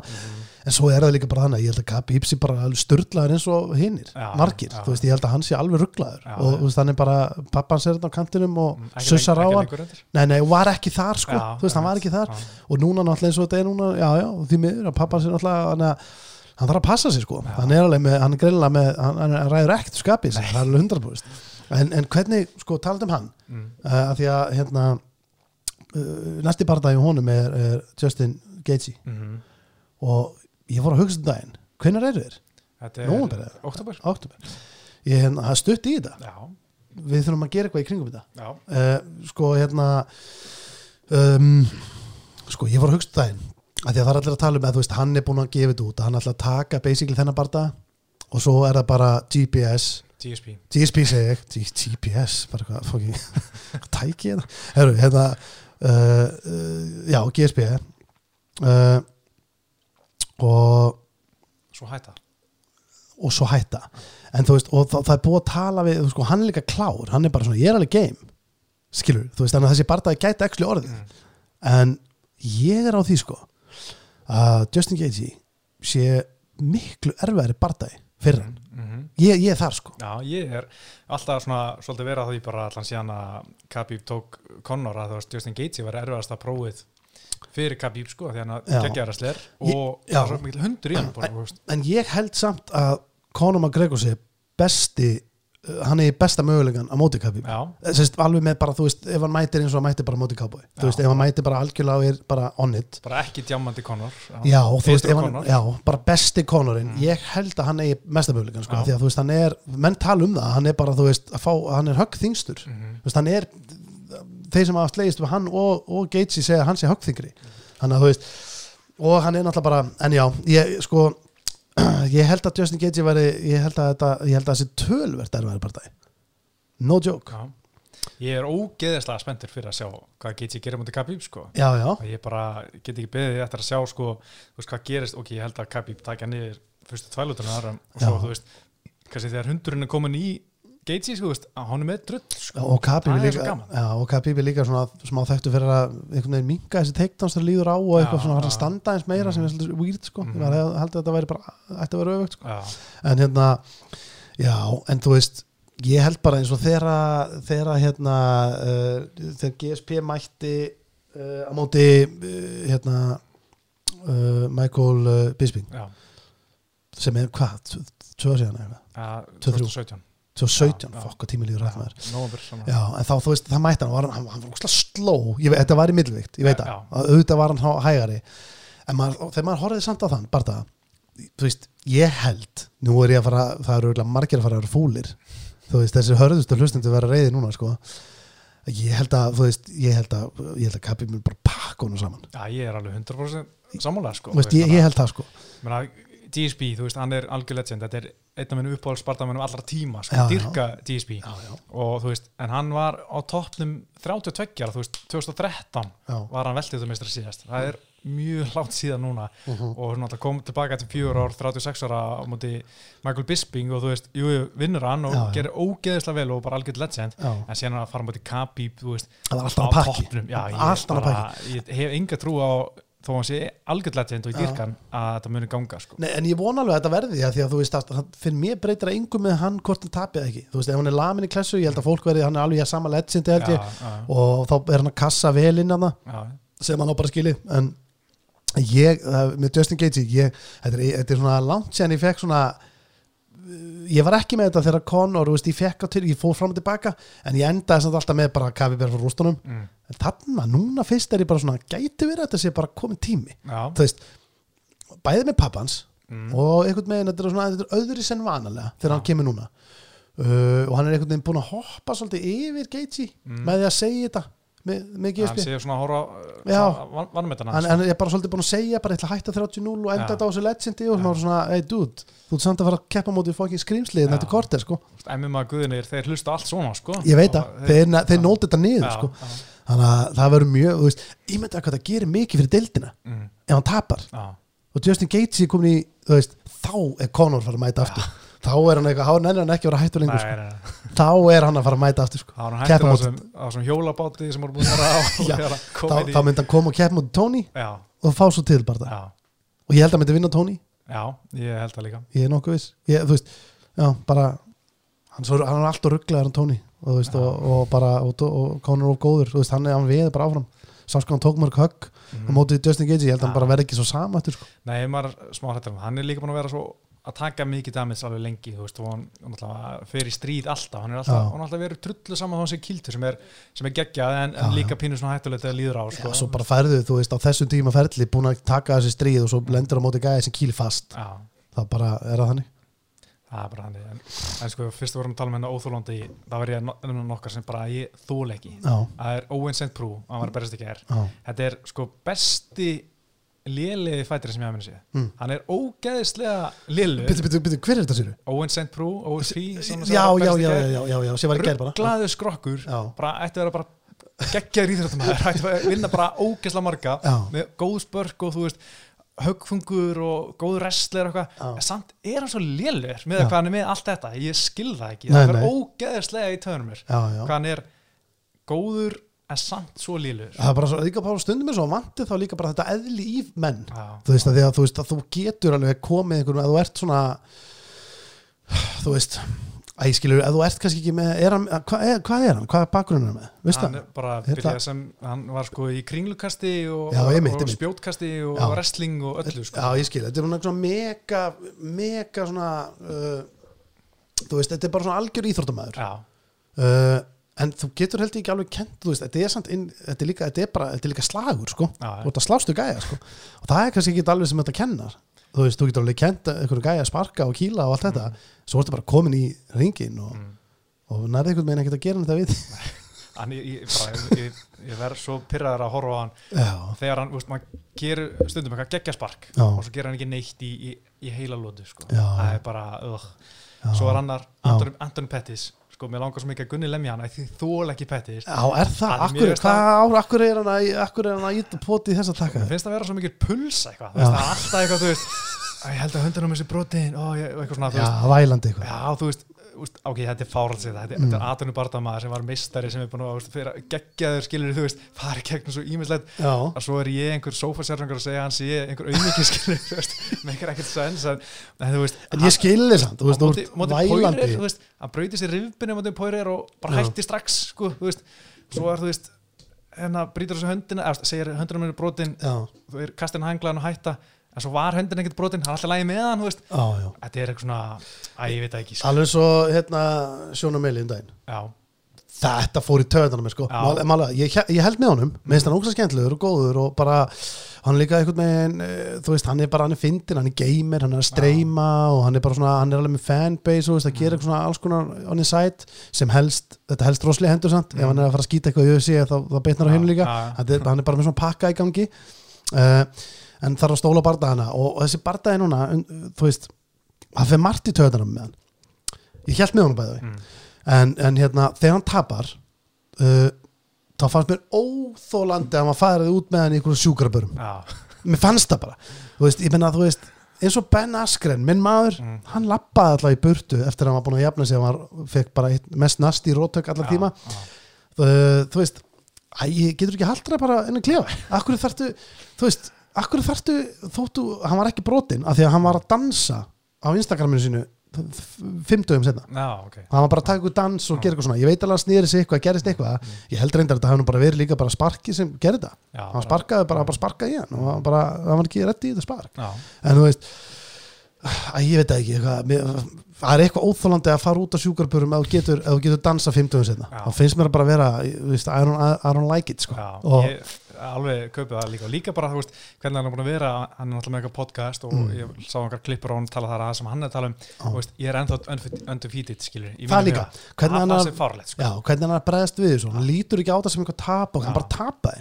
Fyrir skver það var sparkað í því, lögulegt dettur niður. löppin sig, eitthvað, og hann bara tapar. Það og hann já. líka rótar í gólfinu þetta já. var bara Já. alveg olbúi sem hann átt hann sko. já, já, hann þetta hefði bara basically verið þú veist, hann hefði rótast uh, bara örfum og sekundu setna, hefði þetta haldið áfram Mm. hann bara stoppaði já, ég veit ekki, það, hérna, það fór í töðanum sko. Já, ég, svona dæmi sko. ég er alveg al- 100% sko. en svo eru líka tveir aðri sem fara í tögunum mér sko, Mm. að ég bara minnst að vera svo lélir með svona lélegt fight IQ þú veist, það var ekkert í gangi á þeim. það er Stefan Strú, lengstum maður heimi sem Já. bara getur aldrei haldið það fjallaðinni var bara Þú svo, veist. bara inn í búrun og ekkert að gerast það ótrúlega mér að Já. líka þegar Mark Hunt sem er sko, sko ég, það eru 35 cm hæðamunur og reach á þeim já, já, 35 já, já. og samt náða Mark Hunt að rota Já. hann veist það ágjör hægt sko. Nei, nei. ég bara, nei Mark Hunt er svo geggjað sko. Ef það er sko. einhver maður sem ég dyrka þá er það Mark Hunt sko. því að beautiful náðan sko. sko, Það átti náttúrulega að segja hann upp þegar hann kom frá já, var hann ekki, var ekki sagt basically bara, heyrðu, þú fjóra samni eða fjóra fimm barda en það máttalega bara sleppa því sko. Já, við borgum þið bara, Borguðum bara, bara. bara þú þarft ekki að berast og hann bara nei, herri, ég skal bara berjast. Allir heldur, veist, ég man að kom inn í husi með rekord eitthvað 6-5 já, og þú veist, þetta var bara eitthvað djóka hann var og svo bara allir var hann geðu ykkur já, menn voru bara, heyrðu, þú þarft ekki að mæta Já. sko, við borguðu bara eitthvað, klingirna og þú bara flottur. Já, þetta er geðið svo sem svo fyndi, hann var alltaf að tala um hvað husi borgar illa og hann er alltaf blankur og eitthvað. Hann var að fá sko 800.000 dólar fyrir hvert barða sem er bara meira margir meistara sko. já, það, 800.000 dólar, ég bara, hvernig getur þú verið blankar eða þú fær þetta var hann að fá svona pening? Já, ég sá einhvern það komu tölur að hann var að berjast í Vegas þá var hann að fá bara sturlaðar já, já. Já, já, þetta er nefnilega miskilningur, þú veist, jújú, jú, þú veist, þessi meðaljón er ekkert að fá mikið þannig séð, kannski, en, en uh, þeir sem eru einhver nöfn og hann var alveg orðin aflíka, sko, Já, þeir eru bara að fá drullu fína penning og sérstaklega þessir meistarar, þú veist, að ert verður UFC meistari, mhm. þá ertu að fara að fá fókin sanda seðlum, þannig að það er alltaf alveg, það er eitthvað innit, sko, Já, en svo ser maður alveg eins og John Jones var að tala um, þú veist, John Jones var að fá sko, hvað, 5 miljónir fyrir bara það, með öllu pay-per-view og því. Mm.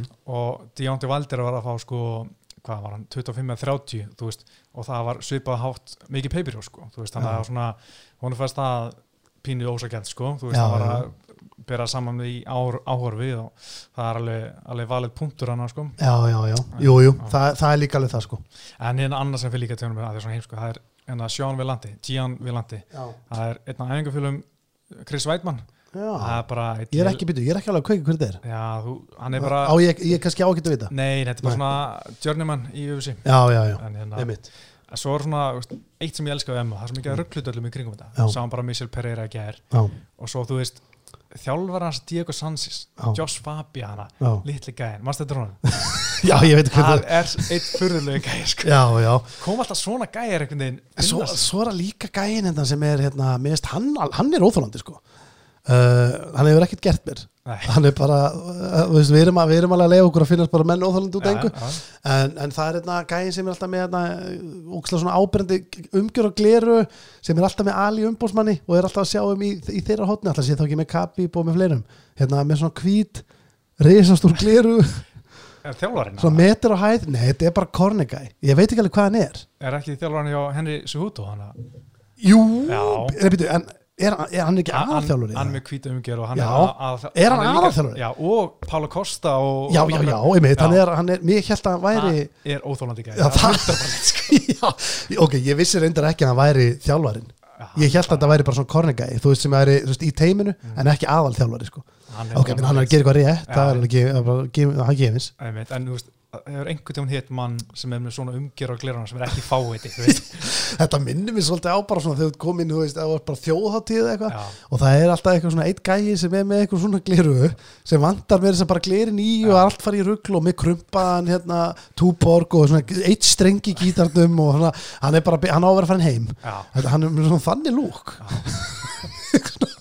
Hann er ég alveg séð hann með einhvern hatt og hann er með þessi gleru og svo er hann því að hann líka svona, ég sé hann svona maður hefur séð stundum þegar gæðinir eru svo í Vegas, mm. fattur veist, þetta er ekki bara þeir að labba inn í bara í hérna, einhverju íþróttagöllum þú veist, þeir eru eitthvað svona með í snáðunni, þegar menn er að skoða hitt og þetta í Já. Vegas og svona dreipa tíma og svona, þá er hann líka einhvern veginn alltaf að vera óþólandi Já, hann er alltaf, alltaf aðstæðlega sko. talandi um sko Vegas mér finnst eitt mjög fyndið að líka sjá þegar menn er að reyna að vera töff, svona Já. að reyna að klæða sig töff. Hvað margir er að miskila þetta, Já, hvað margir er veit eitthvað það. hræðilegt lúk sem hefur verið flott fyrir 15 ára síðan sko, Ég veit að menn eitthvað svona allar reyna að heipstir þessi eins og upp og eitthvað svona, svo eru við bara þrælstífur og greinlega bara einhver bara, herru, farið þetta, þetta er cool, þetta virkar fyrir krakkana svo ertu bara einhvern veginn þrælstífur í einhverju skrítum kúrkaskóm og svo ertu í einhverju þetta er svona asnalegur einhvern veginn hvernig þú ert sko Mhm. Já, já, ég meina hefur ekki Úsmann alveg tekið það? hann var náttúrulega í einhverju svona nýgeriskum klænaði sko, Það svona smá authentic Hann er samt bakgrunn, alltaf, hann er alltaf í einhverju mér meina Masvidal, mér finnst Masvidal takaði núl smá sko þegar hann mætti á okkur náttslopp að ná eitt já. þá var maður bara, hei, sko. Búin að vera gegja það sko já, en ekki mæti náttslopp. Við vitum alveg að þú hafið tíma áður þú komst til að fara í jú.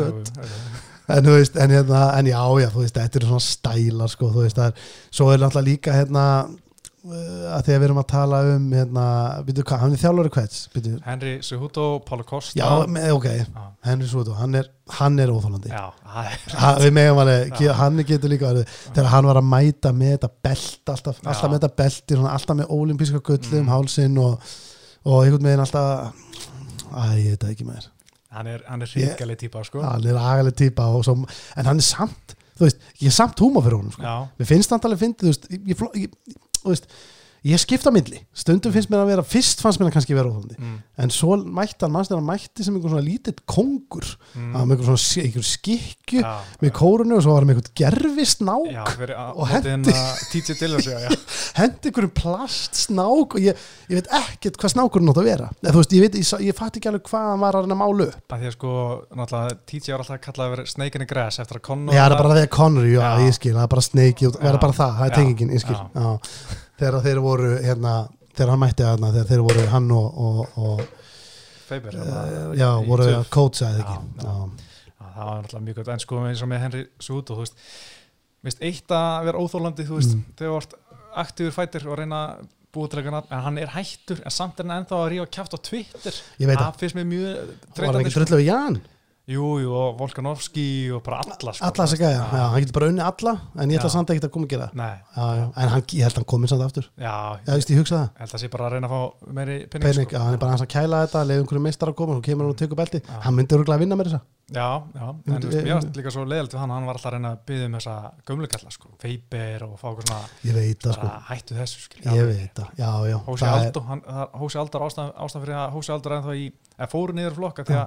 Það, bara það, það það- Sehúta var að byggja, um Já, Aldo Barta, sko, sem, svo fer hann. Að ég greiði aldó maður. Maður langar stundum að bara knúsa hann sko. Já, það er svolítið hannig það er svolítið þannig, sko. Ósigrar tíu ár, kemur ykkur ísku gæi með þvíleika kjátt og, rótar að 12 sekundum, já 13 sekundum og tekur bara sálina úr hann það er bara hann er ekki bara búin að vera svo sami sko. Greiði kallinn.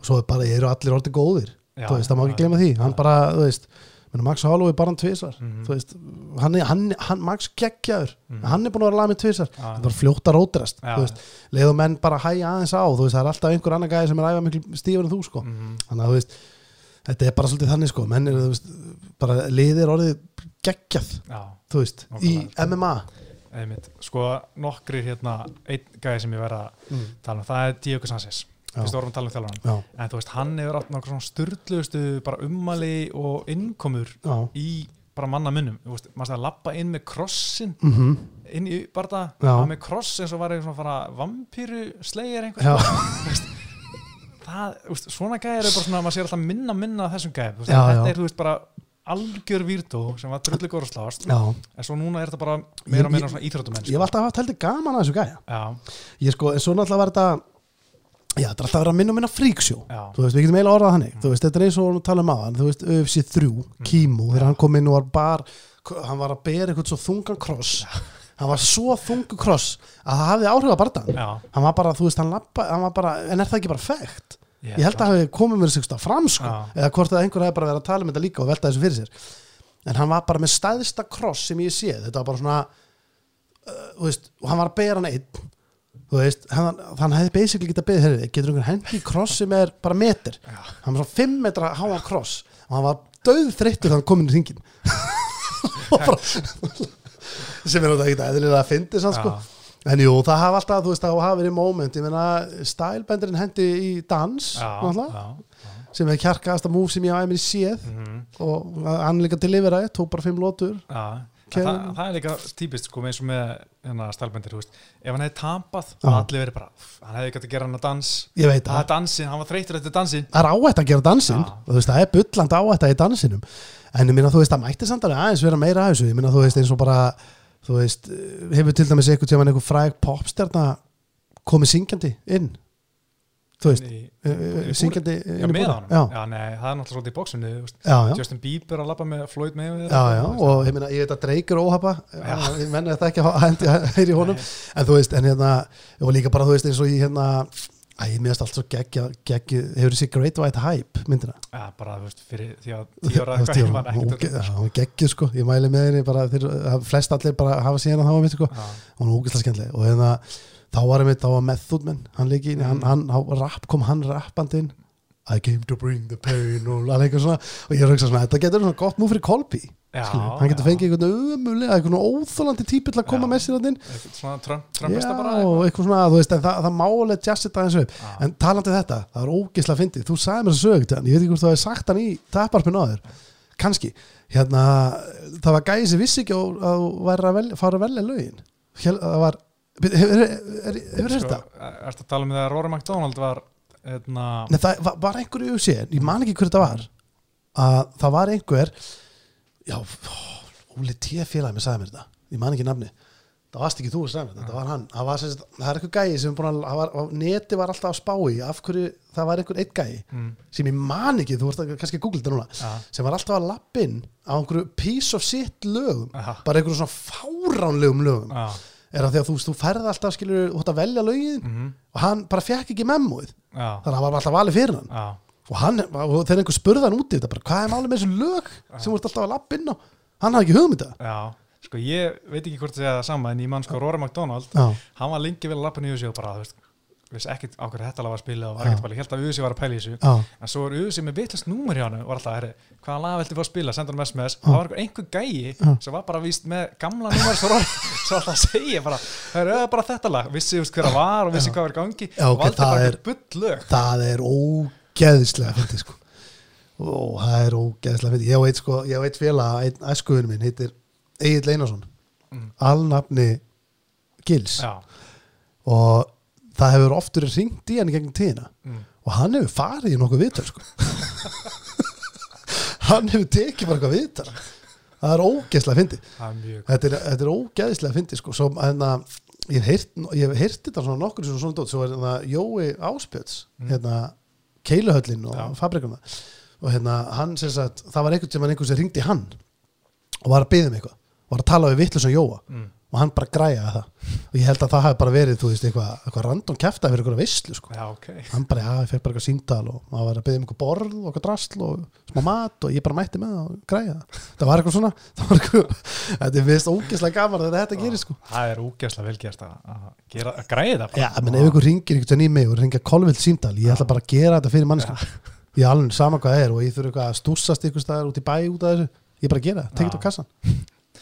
það er á er heldur velgert En ég held að við sem bara er þetta lengsta, lengsti þáttur yngar þér? Ég held það sko, ég held sko að Gunni var voru í einn og hálfan tíma sko. Já, En nú er komið í klukkutíma 53 ár sko. Það er rosalegt, það eru heyrðu, Já. það eru sjö mínútur þannig að við, við getum tveimu tíma, Já, það er freistandi. Það hefði freistandi En við skulum bara við höfum ekkert að tala um. Nei, þetta er búið að vera geggja Já, hérna, við, við fórum bara svona yfir uh, við fórum yfir alls konar. Já. við vorum ekkert að eima á okkur sérstakann barda. Mhm.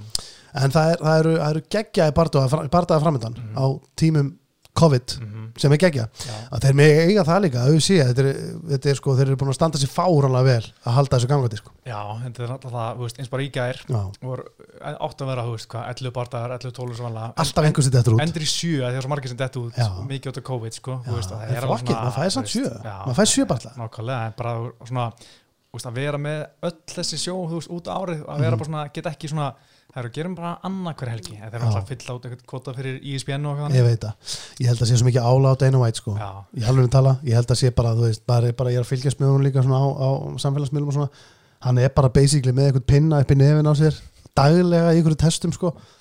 Meina, þe- þeir þurfa að fara í testin líka. Já, þannig að þú veist, þegar hann er að halda þetta sko, hann er bara alltaf í Mm. COVID-testum. Já, og bara, þú veist, ekki að það sé aðal vesinni, mhm, það er bara það er óþægilegt sko.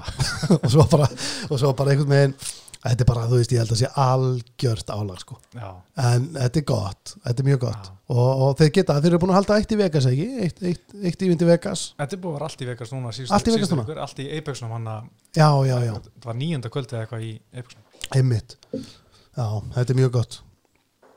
Það er hérna komin, það er hérna komin einhver manneski hérna skrifstofuna hérna Kannski er þetta merkjum um að hætta. Já. Hérna, þetta er en- gott, við endur tökum leikinn. Já, klála, þetta bara fór með viðanvöld og bara takk hjá fyrir að koma. Já, bara, minn var heiðurinn. Já, bara þángu til næst. En uh, já, ég heiti Pétur og Steindi er búin að vera með okkur innan næstu, næstu tvo tíma, fimm Já. myndir eftir. Já, já, En hérna, þetta var bara gaman að þessu og vonandi að því gaman að þessu og bara takk fyrir ávartana í dag. Takk